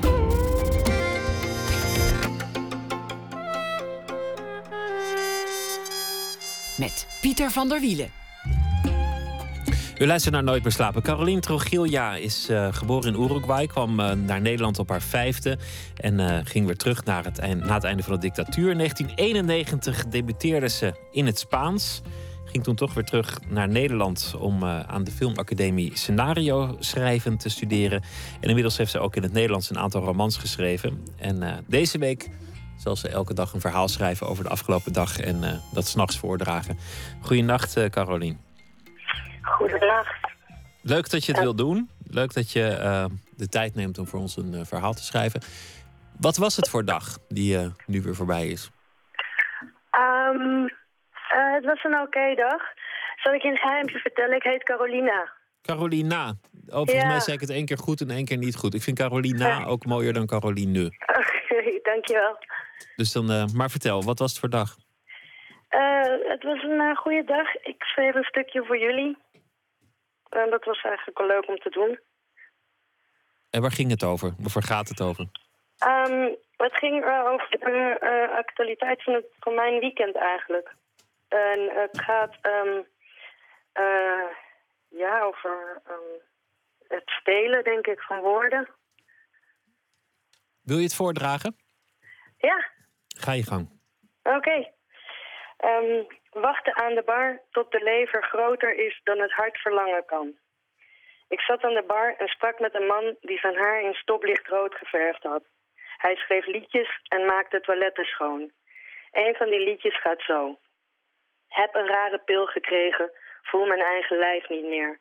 Armen op mijn rug geregen, alles draait nu op en neer. Ben ik dood of ben ik lever? Een mevrouw of een meneer? Kan niet langer schaapjes stellen, slaapje doen, ik kan niet meer. Daarna was ik thuis en werden we Facebook-vrienden en zaten we in een venstertje te tikken. Vroeger kon je in het café met een wild vreemde praten. Dat was dan in een, een anonieme vriend voor één nacht. Nu kan iedereen de volgende dag in elkaar social media zitten. Die anonieme vriend, je ontkomt er niet meer aan. Vroeger moest je steeds terug naar dat café tot je diegene weer terugzag, zei hij. En daarna tot de lever groter was dan het hart verlangen kon. Mooie zin, zei ik, die ga ik van je pikken. En hij, dat mag niet. En ik, oké, dan niet. Een paar dagen later zag ik hem weer, dezelfde bar. Zijn haar is in een andere kleur geverfd en hij zuipt mij volledig onder de tafel. Gesloopt was ik. De enige eer die nog aan de avond te behalen viel, was het jatten van zijn zin. Komt-ie. Wachten aan de bar tot de lever groter is dan het hart verlangen kan. Ja? Het is ook een prachtige zin. Wachten aan de bar tot de lever groter is dan het hart verlangen kan. Hij is goed, hè? Ja, dat, dat zijn pareltjes van zinnen. Ja, hij is van Frans Doedel. Hoe vaak gebeurt je dat nou, dat je in het dagelijks leven een zin tegenkomt dat je denkt... oh, die had voor mij moeten zijn. Ik wil die zin hebben, nu. Uh, meestal uh, best vaak dat mensen iets zeggen dat mooi is. En dat noteer ik dan. En, um, en dan is hij van mij. Ik denk, ja, best vaak. Ik één, twee, drie keer per week of zo. En hoeveel van die notitieblokjes heb je dan inmiddels? En, en wanneer wordt dat een boek? En kan je die zin ook altijd kwijt? Um, je kunt, ja, ik, vaak staan ze op viltjes. En um, ja, je kunt, ze, je kunt ze altijd kwijt in, uh, in, in, um, in dialogen van personages. Je moet ze alleen onthouden en ze moet, je moet op het, op het juiste moment het juiste viltje um, tevoorschijn trekken als je dus het grote werk aan het schrijven bent. Nou ben ik zelf ook niet onwijs georganiseerd, maar een filtje lijkt me ook niet het perfecte medium om dit soort gedachten te structureren. Nee, maar wel om op het moment dat je stilt om ze op te schrijven in je tas te stoppen mee naar huis te nemen. Maar je niet een mooi boekje? Is dat niet een verjaardagscadeau? Uh, ik heb wel boekjes, maar de, uh, het stelen doe je toch meestal in het openbaar. Doe je niet thuis. En je moet dan net zo'n boekje bij je hebben. En bovendien, als je het boekje tevoorschijn schijnt, uh, trekt, dan weten mensen ook meteen dat je iets aan het uithalen bent. Dat je aan het jatten bent, dat je hun mooie Precies. zinnetjes snijdt. Precies. En als je hem gewoon jat, dan, dan merken ze het later niet, want ze weten niet eens dat ze het gezegd hebben. Nee, en dan zit je op zo'n veeltje een beetje te, te, ja, te doedelen en dan, en dan ja, verdwijnt zo'n dingetje in je tas en dan, dan is hij gewoon van jou. De strijd om een, uh, om een mooie zin. Dankjewel voor, uh, voor deze bijdrage vannacht. En ik wens je veel plezier. En morgen weer een. Caroline Trogilja, dankjewel. En uh, ja, tot morgen. goed. Oké, okay, dankjewel. Tot morgen. Een mooi verhaal. Dat was Sly and the Family Stone. Een soul-legende in de jaren zeventig. had veel problemen. Hij slechte contracten, managers die er met het geld vandoor gingen. Kortom, het, het standaard verhaal bijna, zeker als het gaat over de jaren zeventig. Voor een keer is het goed afgelopen, want na jaren bleek het contract ergens nog in een uh, archief te liggen. Zijn Nederlandse biograaf had dat uh, opgeduikeld. Een rechtszaak uh, werd gewonnen en op zijn 71ste kreeg Sly Stone alsnog geld en werd hij alsnog miljonair. Wij helpen hem nog een beetje aan nog een kleine bijdrage, want hij krijgt wel iets als we het op de radio draaien. Everybody is a star, Sly and the Family Stone.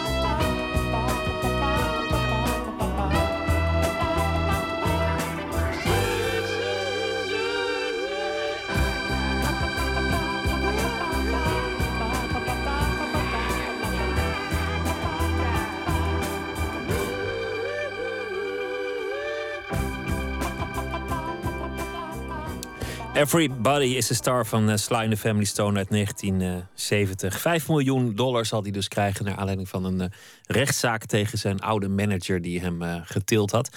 De schatting was trouwens dat het totaal aan royalties... als hij gewoon alles netjes betaald had gekregen... zo rond de 60, 70 miljoen dollar zou zijn. Maar goed, is het glas half vol of voor, een, voor een dubbeltje leeg? Of hoe moet je dat eigenlijk zien? 5 miljoen is beter dan, dan niks, ten slotte. Nooit meer slapen. Nog meer muziek. Ze zaten alle vier op de Herman Brood Pop Academie in Utrecht. Daarna gingen ze samen schrijven, deden huiskamerconcerten. En in no time was daar landelijke aandacht voor Mr. and Mississippi. Wat volgde hadden ze niet durven dromen. Een rondgang langs Nederlandse podia, een festival in Texas, een tour door Duitsland. En nu, twee jaar later, een tweede album. We Only Part to Meet Again. En ze kiezen ervoor om het nieuwe repertoire te testen in een akoestische setting. In platenzaken door het hele land. deeply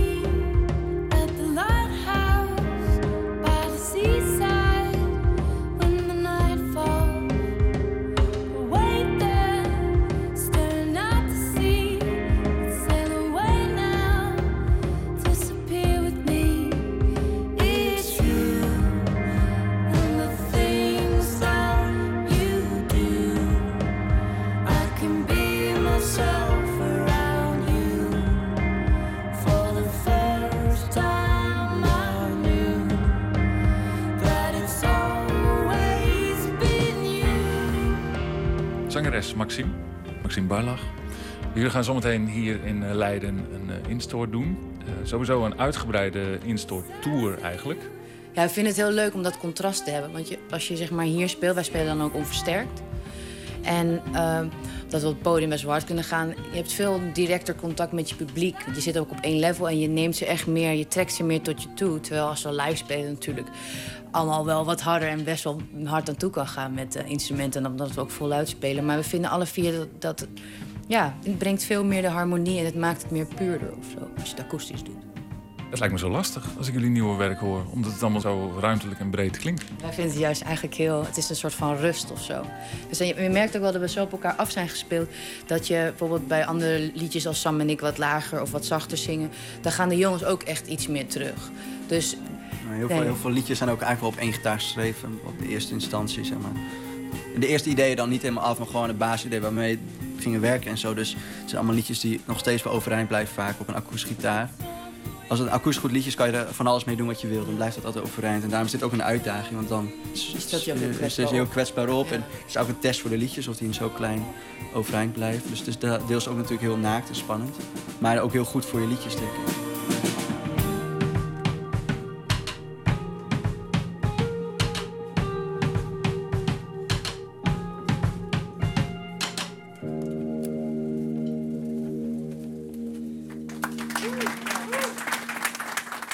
Las dat jullie plaat, de nieuwe plaat op vinyl zelfs. Uh, er is een of andere hitlijst van vinylplaten. Daar staan jullie op één. Maar zijn jullie vinylfreaks? Ja, ik denk dat we... Want uh, ik woon ook met de jongens samen thuis, zeg maar, met Danny en Sam. En we zetten af en toe best wel een LP'tje op, zeg maar. Je, je bent een soort van... Um, verplicht om echt meer aandacht aan te besteden of zo, vind ik. En dat vind ik altijd wel mooi aan een plaat. Jullie gaan vanavond ook nog naar de Ikea. Ja. Ze gaan een nieuwe ja, platenkast kopen. Ja, we gaan vanavond net als we rijden even langs de Ikea om een, iets moois te kopen voor aan de muur waar alle platen in kan. Ja. We, nu, we zijn 90 keer in zo'n winkel, dus dat gaat helemaal fout thuis natuurlijk. 19, we wonen met z'n drieën samen. Keer drie. Nou ja, dan moet er een kastje komen. Maar echt, de drie mannen van deze band wonen bij elkaar in één huis ook nog? Ja. Eerst zaten we ook nog bij elkaar in de klas. Dus eerst zaten we met elkaar in de klas, waren een plaat aan het opnemen en we zaten samen te toeren. Dus het was best wel pittig. Maar het gaat altijd best wel goed hoor. Dus, uh, we hebben eigenlijk nooit een ruzie. En als we ruzie hebben, dan gaat het eerder over de afwas dan over de band of zo. Dus uh, dat is wel goed teken. maar hoe moet ik het zien? Is het, is het een soort, uh, soort huwelijk of zijn jullie meer broertjes? Nee, ik denk meer broertjes of zo. Ja. Volgens mij zijn zij meer broertjes en ben ik, ben ik een soort van vader. Papa, ja. ja, dat wel, ja.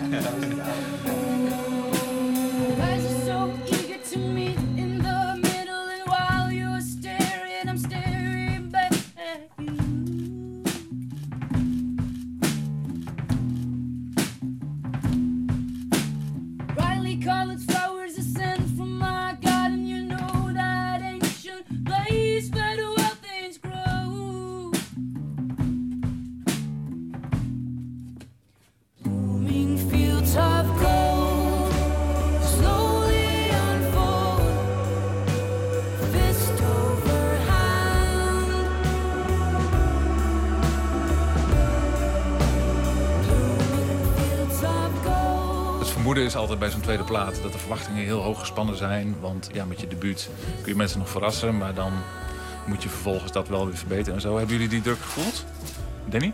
Ja, nou ja, het enige verschil is eigenlijk vooral dat, dat, dat mensen jou kennen en gaan vergelijken. Met de eerste plaat kan je gewoon alles maken eigenlijk wat je wilt, want het is je eerste plaat. En nu is een soort verwachtingspatroon, een bepaalde lat die ligt. Maar het spannendst vond ik, dat vond ik eigenlijk wel meevallen qua spanning. Het spannendst vond ik dat we met z'n vier opnieuw bij elkaar kwamen en dat er weer diezelfde chemie was, in diezelfde richting, diezelfde neus dezelfde kant op. Dat vond ik spannend. Maar op een gegeven moment werd het vrij snel duidelijk dat het zo was. Met de eerste drie schrijfdagen gingen er, kwamen er drie liedjes uit, of drie demo's. En daar waren we gelijk met z'n vieren heel enthousiast over. En dan heb je al gelijk weer zo'n enthousiaste vibe. En het kan zijn dat iemand zegt... Uh, ja, ik vind het wel mooi, maar ik weet het met deze drie songs... ik weet nog niet of het helemaal is... Dat kan heel goed. En dan, dan kom je in een heel andere fase terecht. Dus vanaf het begin was het wel weer duidelijk... dat het qua schrijven gewoon een soort heel leuke periode zou gaan worden. En, uh, toen was de meeste spanning voor mij eraf, ja. ja. Grappig dat dat voor jullie afwachten is. Want je, je hebt met elkaar die eerste plaat gemaakt... en die, uh, die heb je ook uitgebreid getoerd. Maar dan is er voor jullie echt een moment van... oké, nu gaan we weer met z'n allen de studio in... en nou is het maar kijken dan of dat weer gaat klikken. Ja, ook, maar dat is ook omdat je twee... Je bent natuurlijk een band, maar je bent ook gewoon individueel ook gewoon muzikant. En je luistert heel veel nieuwe muziek en uh, je ontdekt nieuwe dingen. Je komt, ja, en alle ervaring van twee jaar spelen. En iedereen maakt zijn eigen ideeën over wat het dan zou moeten zijn, die tweede plaat. Nou ja, en daar praten we heel veel over. We hadden het idee dat we live veel meer knalden als op plaat. Kan dat niet dichter bij elkaar, kunnen we gewoon op plaat niet nog een tandje bijzetten. Dus de ervaring deelden we. En, daarom kom je ook weer makkelijk tot een richting hoor.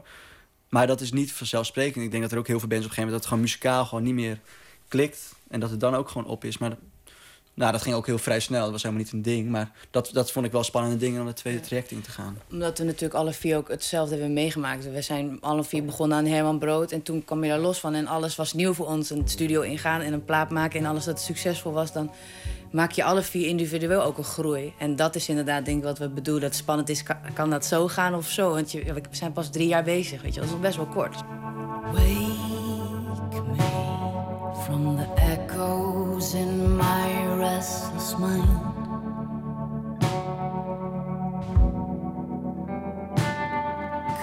Me if it consumes me from the inside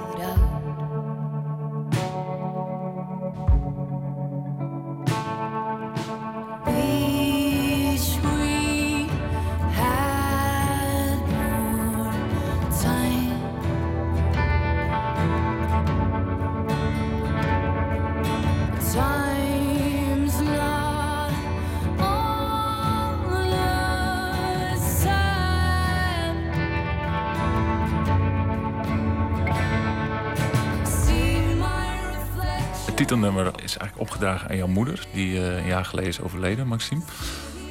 Is het, het, lijkt me vervelend als je daar ook, zoals nu in interviews... steeds weer naar gevraagd wordt. Vind je dat niet? Ja, we hadden het er wel lang over. Want het, liedje, het, zeg maar, het, het, het omschrijft niet de plaat. Het is één nummer wat erop staat. En dat zijn natuurlijk allemaal losse verhalen. Dus het, het is niet dat het in het geheel. Maar ik vind het zelf niet heel erg. Want het is allemaal gebeurd. En eh, ja, er is ook niet veel over te zeggen. Dit liedje heb ik dat, voor mijn moeder geschreven. En ja, that's it. En ik vind het gewoon mooi als we dat nummer live zijn. Dat we dat ook met z'n vieren allemaal dragen. Of zo. Ik merk aan de jongens dat, ze daar gewoon, dat we daar wel één in zijn. Of zo. Het is niet alleen, het is natuurlijk wel mijn verdriet. Maar ik heb ook zoveel steun aan u gehad en alles. Dus dat ik, ja, dat, het, het stuk is wel moeilijk. Maar het, eh, het gaat goed nu of zo. En ik, ben, vind het fijn dat ik dat van me af heb geschreven. En dat het nu een mooi plekje en dat de plaats zo is genoemd, vonden we ook gewoon een mooie titel. En eh, waar we alle vier gewoon ook achter staan. Dus eh, ja, ik vind het mooi dat het zo erop is gekomen. En er zit ook een positieve draai aan het liedje. Dus. Hoe kijk jij dan vooruit? Want het betekent dat je het ook waanzinnig veel gaat spelen komende tijd. En ook op festivals waar misschien een heel uitgelaten sfeer heerst. Moet je daar tegen wapenen, denk je? Of? Nee, ik sta wel positief in. Ook omdat ik dan zei dat we het daar voor alle vier gewoon dragen. En dat ik dat niet meer. eh, ik voel gewoon dat, het, dat als ik dat zing of zo, niet dat ik gelovig ben of zo, maar dat het allemaal goed is. En dat zij daar ook soort van misschien een beetje meezingt of zo. Dat ik heb ook niet een emotionele breakdown meer. Heb ik één keer gehad en dat ook niet meer. Dus ik ben eigenlijk gewoon heel. eh, ik, I think I'm in a good place nou, denk ik wel. Zeg maar. Dus dat valt niet zo eh, zwaar, zeg ik nu hoor. Maar is natuurlijk ook nog maar een jaar geleden, maar... Nou ja, ik denk da- da- daarnaast, ik, weet- ik wil niet voor je spelen, maar ik denk ook festivals zo dat je ook gewoon heel erg kan schakelen naar dat liedje heeft gewoon, is ook gewoon een van de songs, en maar gewoon met een, met een hele mooie betekenis en een achterliggend verhaal. Eh, en dat blijft, dat, dat, dat blijft ook zo, maar ik denk op een festivalset dat, dat, dat wat er overblijft voor zo'n festivalveld is gewoon een hele mooie boodschap die erin zit. Ja, ik denk dat dat ook de kracht is die dat, dat ik dat ook zeg maar dan wil vertellen of zo. Waardoor ik dan niet afgeleid raak Ja, of precies. weet je wel. Dat ja. Dat, ja, dat je gewoon daardoor steviger... Ik ben ook veel steviger in mijn schoenen gaan staan daardoor of zo. Try not to miss you. I try to pull through. But everything around me reminds me of you.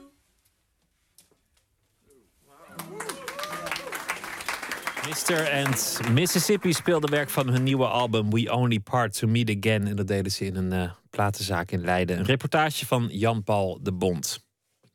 Kwabena Sarkodie Atjepong, mooie naam en toch noemt hij zichzelf Kwaps. Dat is korter. Jarenlang was hij jazzzanger bij het eh, Britse National Youth Jazz Orchestra. Hij groeide steeds meer de kant op van eh, de popmuziek. In mei komt het eerste album, Love and War, en daarvan alvast de nummer Perfect Ruin.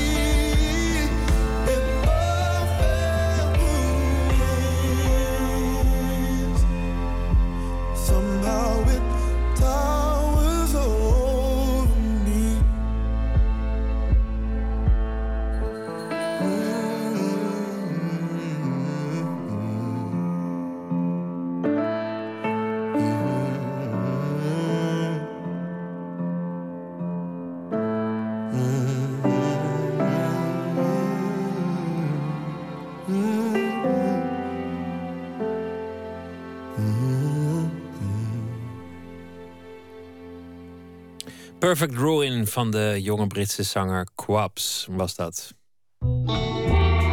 Nooit meer slapen. Ja, superfood en uh, koolhydraatvrij, het uh, kan allemaal wel zijn. Maar de rehabilitatie van de aardappel is aanstaande. Een evenement met die strekking. De aardappel terug op tafel uh, vond vandaag plaats op een bijzondere locatie, namelijk bij het Rijksmuseum in Amsterdam.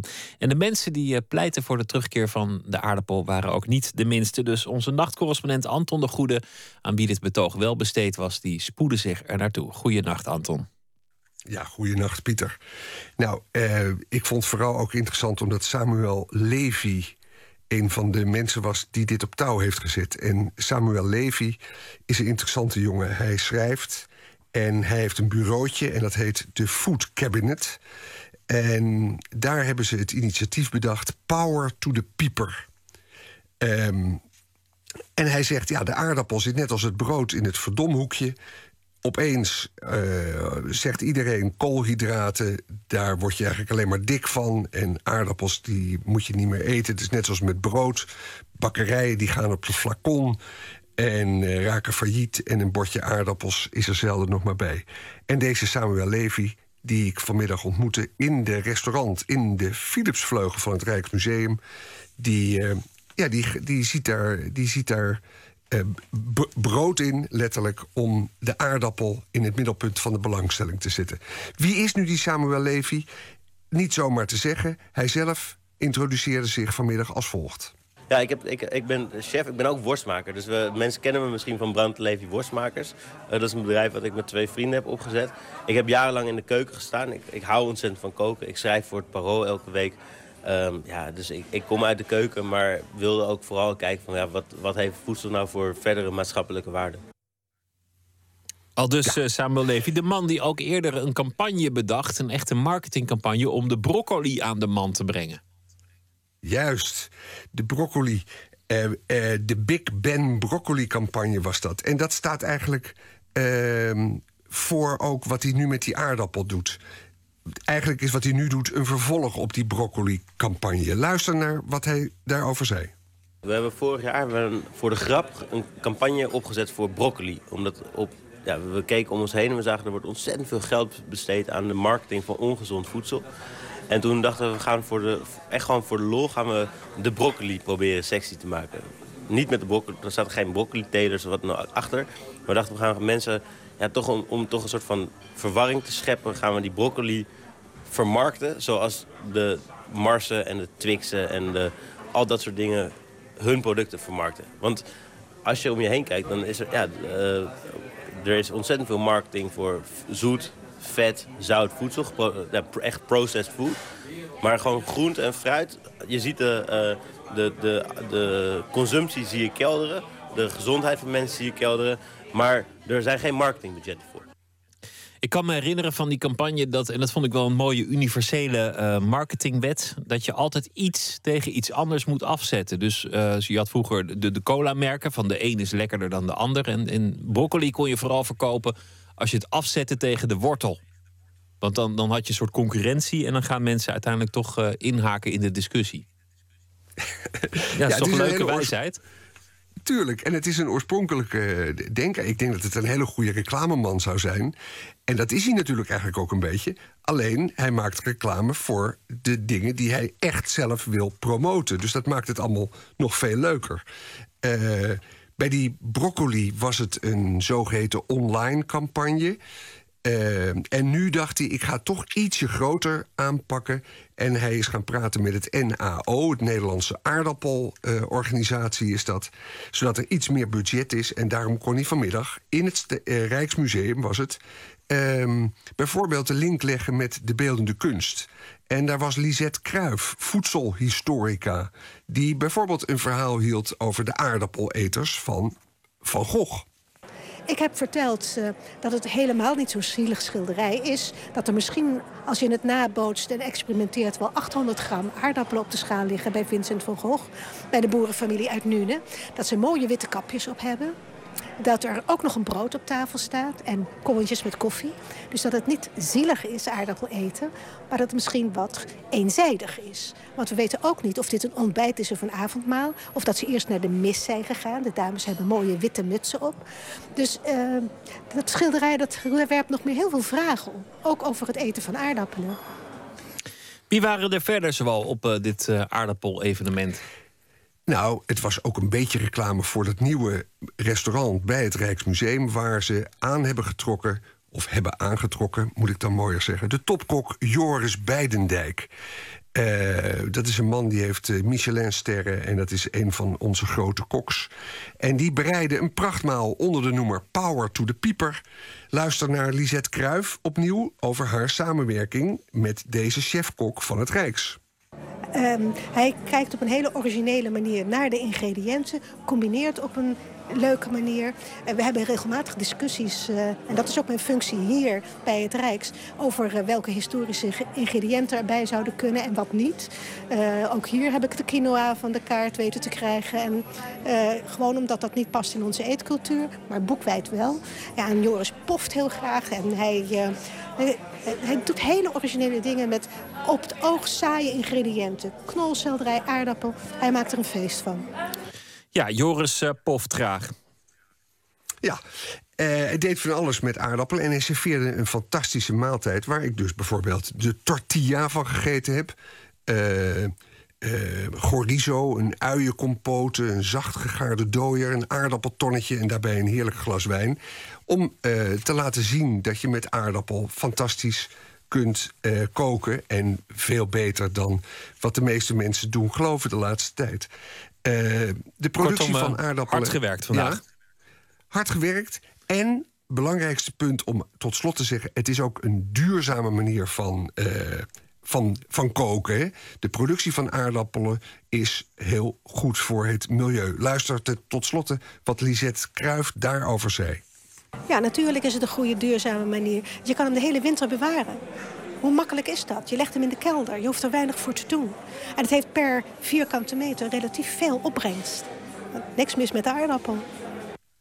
Al dus uh, Lisette Kruijf, de rehabilitatie van... Uh, nou ja, het cultuurvoedsel bij uitstek inmiddels wel van uh, Nederland. De aardappel. Ja. En uh, wie belangstelling heeft, google even en, ga naar Power to the Pieper. Ze hebben een prachtig filmpje gemaakt. Ze hebben geen budget om daar een dure stertijd voor te kopen. Maar ze hopen dat veel mensen dat delen en doortwitteren en op Facebook zetten. Power to the Pieper. Uh, dan zie je het resultaat van dat filmpje. Dankjewel, Anton de Goede. Goeienacht.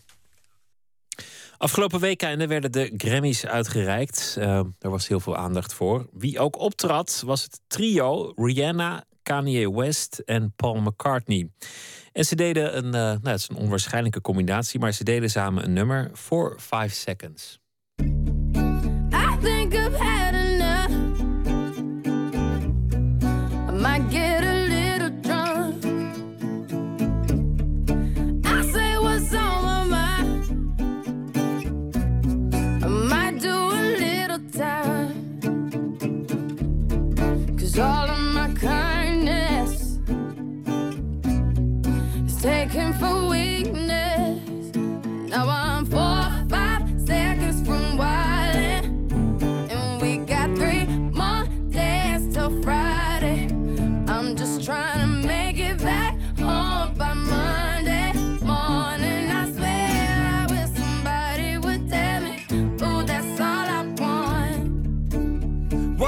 an optimist. Sun was shining, I'm positive. Then I heard you was talking trash. Hold me back, I'm about to spaz. Yeah, about four or five seconds from wildin'. And we got three more days till Friday.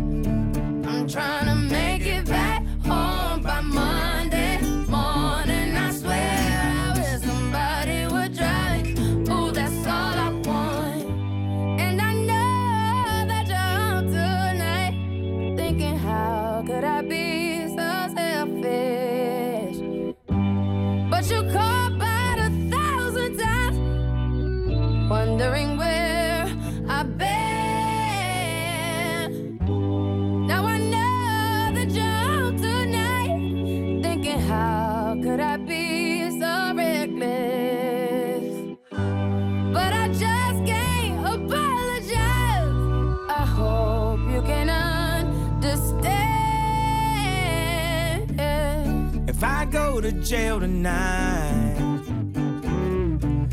Promise you'll pay my bill. See, they wanna buy my pride. But that just ain't up for sale.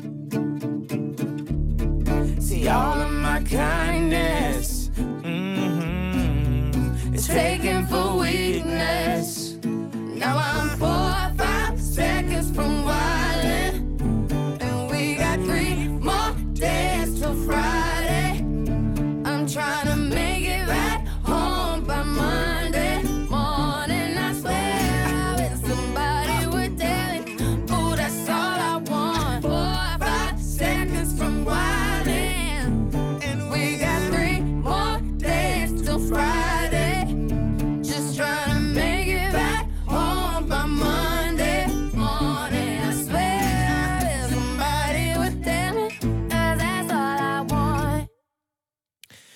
Rihanna, Paul McCartney en Kanye West voor 5 seconds. Nooit meer slapen. Ja, het zijn eh, roerige tijden, voor velen ook angstige tijden. Oekraïne, de terreur, de opdrogende voedselbronnen, ehm, ziektes, ebola, een economie die al jaren aan het eh, infuus ligt. Toch hoor je daar in de populaire muziek van eh, het moment maar bitter weinig van. Veel muziek lijkt vooral te gaan over eh, de mens en zijn persoonlijke leefomgeving. Waar is de angst? Waar is de woede? Waar is het engagement in de populaire muziek? Nooit meer slapen ging op onderzoek.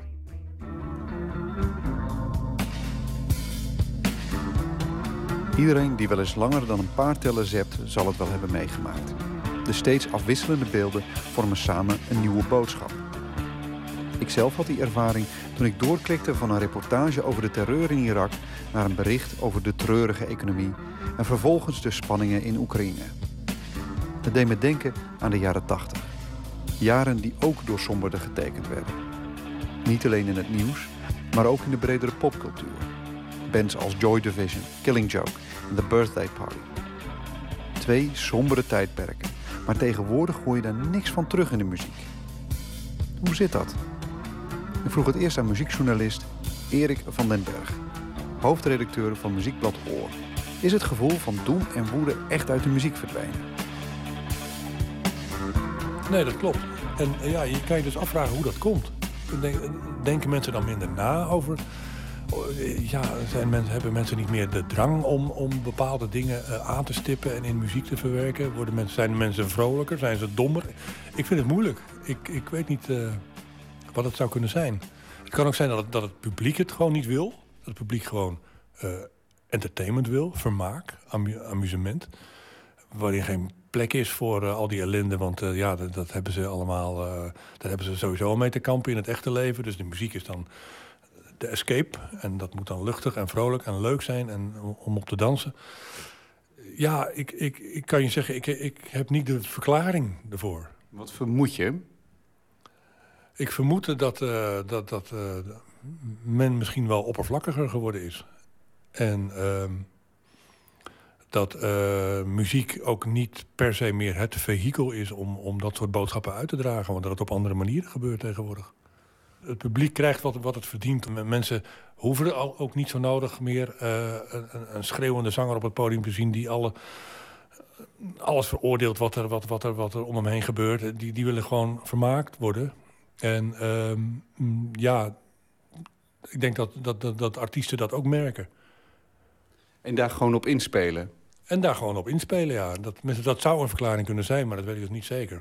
Want in principe vind ik dat een artiest gewoon eigenwijs hoort te zijn... en, en, en zou moeten overbrengen wat hij wil overbrengen. Ongeacht wat zijn publiek wil horen. Maar ja, zo wordt tegenwoordig niet meer gedacht. Want eh, ik bedoel, het is allemaal vluchtiger en sneller geworden. En, en muziek kan op veel manieren tegenwoordig aan de man worden gebracht. Dus je moet wel op, er op het juiste moment met de juiste muziek staan, denk ik. Is dat zo of is dat gewoon omdat hier een oudere generatie spreekt? Ehm, ja, dat zou ook best kunnen, ja. Dat, het, dat- dat- ja, ehm, ja, kijk, het is een aanname van mij. Hè. Van, ik bedoel, nogmaals, ik weet eigenlijk ook niet hoe het komt. Is men dan oppervlakkiger geworden? Of, Eh, is het van generatie op generatie overgedragen van jongens, het heeft toch geen zin? Of is het inderdaad eh, inspelen op wat het publiek wil horen? Het- misschien is het wel van alles wat. En valt het niet heel duidelijk te verklaren. Wat later zit ik in de werkkamer van filosoof en rapper Arjen Kleinherenbrink. Zijn collega Kees Leijnhorst, zelf meer een kind van de jaren 80, is erbij aangeschoven. Waarom denkt Kleinherenbrink dat we in de muziek zo weinig van de wereldproblemen merken? Er zijn drie mogelijke verklaringen voor. Twee hoor je heel vaak. Hè. De ene is, het is Romeinse decadentie. Hè. Op precies op het punt dat alles in elkaar gaat flikkeren... zijn er de meeste brood- en spelenachtige festivals. Omdat we zelf niet willen weten dat het ellendig is... gebruiken we de kunst om ons te verstoppen. Tweede mogelijkheid is het idee van eh, kunst is nu opium van het volk. Dus het zijn een paar mensen bij grote platenbazen... die ons de, de oppervlakkige popmuziek door de strot schuiven. Maar ik denk zelf dat het eh, de derde is, eh, misschien. En dat is dat het eh 30, 40 jaar geleden het teken van een authentieke kunstenaar was misschien iemand die zich bevlogen met de wereld toonde. Dus die zich kon verplaatsen buiten zichzelf. Verplaatsen in een andere situatie, verplaatsen in een ander sentiment. En nu is het teken van authenti- authenticiteit veel meer dat je in jezelf gaat. Dat je je eigen gevoelens eh, verwoordt. En dan heb je automatisch minder te maken met grootschalige politieke of ecologische problemen. Ik vertegenwoordig denk ik juist de generatie. eh, mijn muziek was de 80s, was Joy Division. Ik was helemaal into Joy Division. Eh, Sex Pistols, die waren eigenlijk al vroeger. Dus ik ben inderdaad opgegroeid met, met het idee: muziek is protest. Eh, muziek is boosheid vooral. Niet zozeer angst, denk ik, maar de angst zette zich om in boosheid. En ik denk dat wat Arjen zegt klopt, dat laatste. Maar ik denk dat er nog iets onder zit. Dat er nog een verklaar, mogelijke verklaring onder zit. En dat is denk ik dat de, de, het protest dat zeg maar, wij hadden... of de muziek die waar wij van hielden, mijn generatie. Ik ben 47. Ehm, dat was ook protest tegen onze ouders, tegen onze vaders met name. Eh, dus als je denkt aan Doe maar, de bom, ja. Maar ze hadden ook dat nummer Pa, als je je nog herinnert. Eh, tegenwoordig is het mag dat weer. En, en dat gaat over zijn vader, zeg maar. Zijn vader, onze vader. Eh, en dus ik denk dat het protest tegen de bom was tegelijkertijd het protest tegen een generatie die ervoor zorgde dat er zo'n toestand was. Dus ik denk dat ehm, bij het oplossen, want ik, ik merk om mij heen, eh, ik, heb veel, ik geef in mijn functie eh, veel colleges, ik maak veel studenten mee. En wat mij opvalt is inderdaad dat ze hun ouders meenemen naar de universiteit. Dat ze naar voorlichtingsdagen gaan en hun pa meenemen. Nou, we hadden nog liever voor de trein gesprongen dan onze pa mee te nemen. Wij zijn. Oh jee, nog even. Wij zijn een, een generatie zonder utopisme. Eh, Een, een, een nihilistisch, meer, niet helemaal, maar een meer nihilistische, meer pessimistische generatie. Die ook het idee, die donders goed weet dat we zelf van jongs af aan al meedoen. En die geen grote alternatieven heeft. En een grote, eh, de link met Occupy is daar ook correct. Want wat deed Occupy vooral? Occupy liet weten dat ze ergens tegen waren. Maar ze liet niet weten, het liet niet weten dat het ergens voor was. Dat valt overal op. Er is, en dat heet dan een beetje het failliet van links... er is geen theorie over hoe het verder zou moeten. Er zijn honderdduizend experimenten, maar geen sterke beweging van... jongens, hier kun je bij aansluiten en dat zou je moeten doen. Ja, ik, ik, dat is denk ik een heel groot punt. Want als er ergens, bedoel, dat is denk ik nog steeds zo, zeker in, de, in, de, in, in, in popmuziek, maar ik denk in elke vorm van kunst. Waar, wat is de stuf, zeg maar, waar kunst van gemaakt wordt? Nou, een heel belangrijke stuf zijn dromen. Eh, het gaat over, je, je, je droomt van iets, je droomt van je, de geliefde, je droomt van een betere wereld, je droomt... En, en, en dat is denk ik wel iets wat, wat nu eh, anders is. Dat is denk ik precies het punt wat je maakt. Van, eh, men gaat ook eerder voor de wat concretere doelen. Je noemde pregu- prefiguratieve politiek, anarchisten.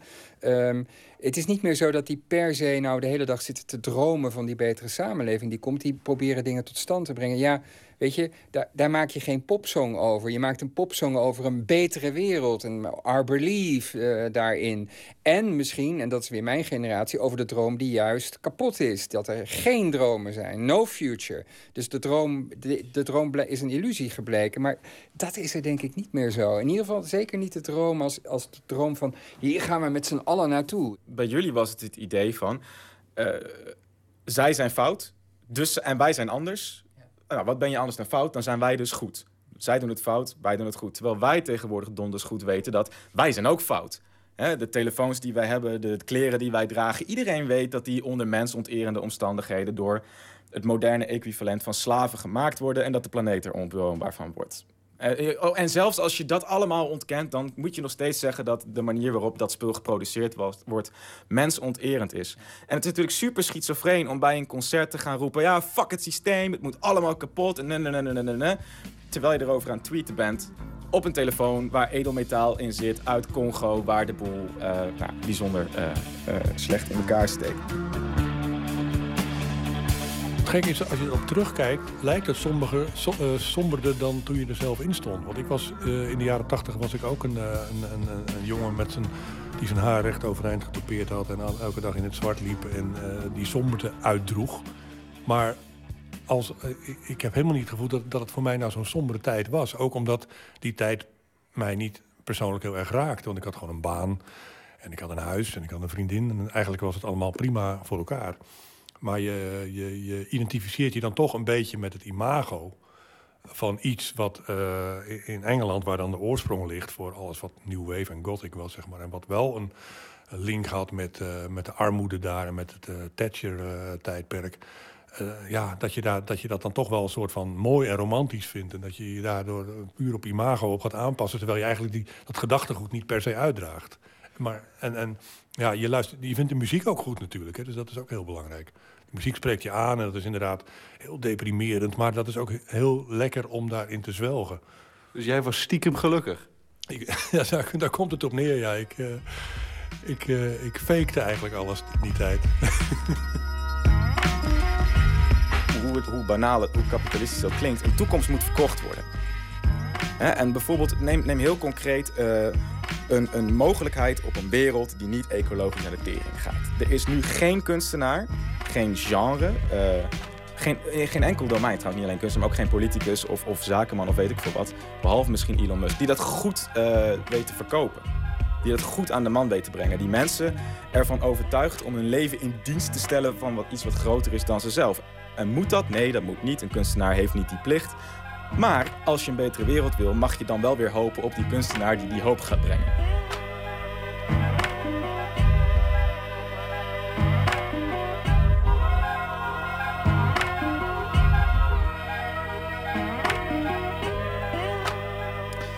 De filosofen Arjen Kleinheren, Brink en Kees Leijenhorst van de Radboud Universiteit en hoofdredacteur van eh, Oor Magazine Erik van den Berg in een bijdrage van Maarten Westerveen.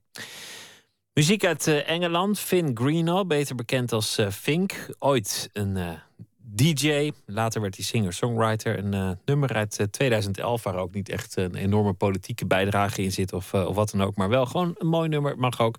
Yesterday was hard on all of us.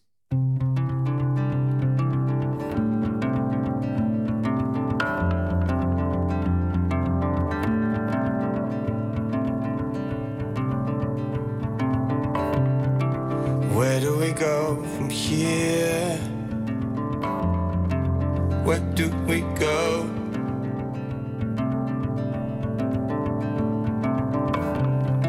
And is it real or just something we think we know?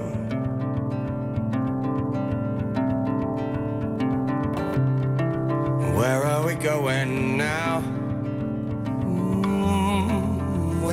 we go?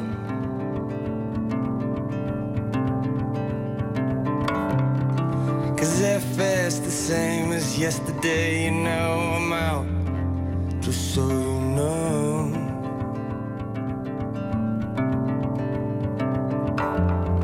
Because, because our paths they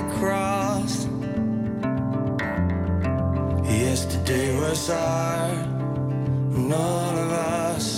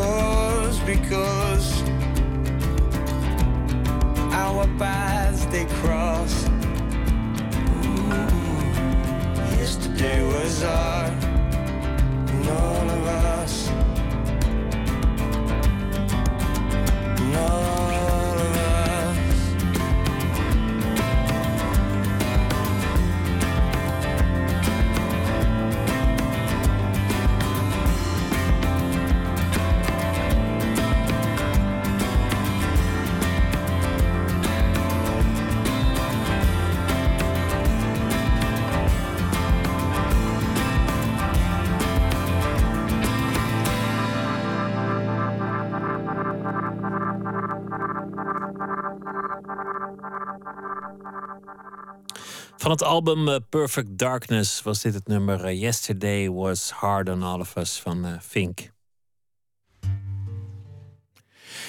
Gaan eh, luisteren naar eh, een gedicht dat wordt voorgedragen door eh, Menno Wigman. Een van de grootste Nederlandse dichters van zijn generatie werd hij genoemd door de Volkskrant. Deze week zal hij elke nacht een gedicht voordragen aan het einde van deze uitzending. Hij was stadsdichter van Amsterdam tot voor kort. Zijn meest recente bundel heet Mijn naam is Legioen. Verscheen in 2012, werd genomineerd voor de VSB Poëzieprijs. De nieuwe bundel zal in oktober uitkomen. En hij begint met een eigen gedicht. Belofte van geluk, maar dan in het Frans Promesse de bonheur.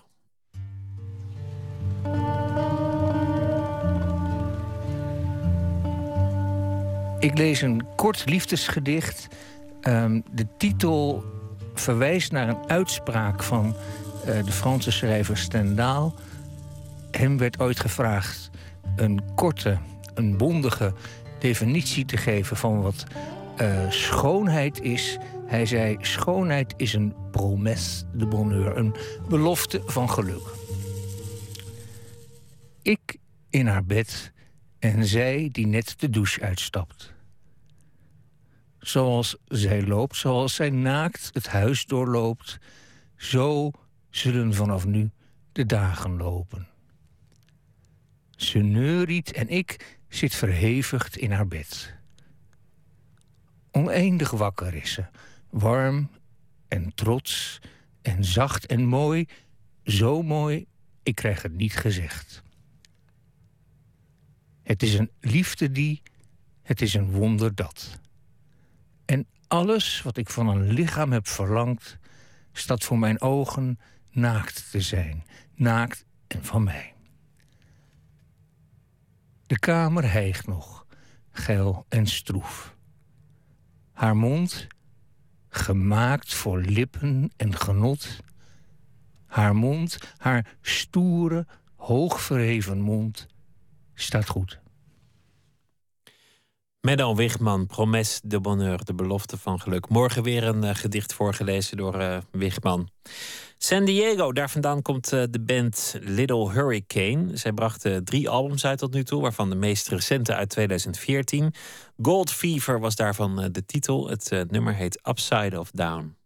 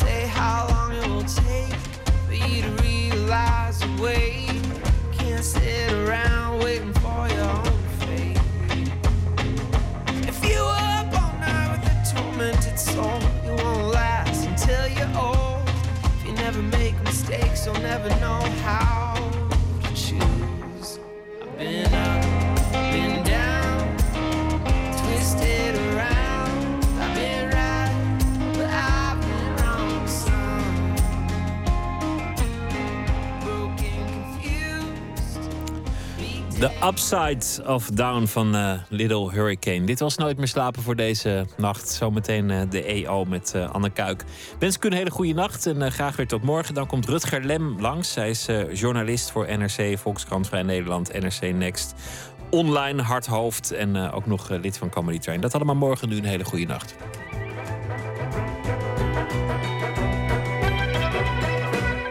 Op Radio 1, het nieuws van alle kanten.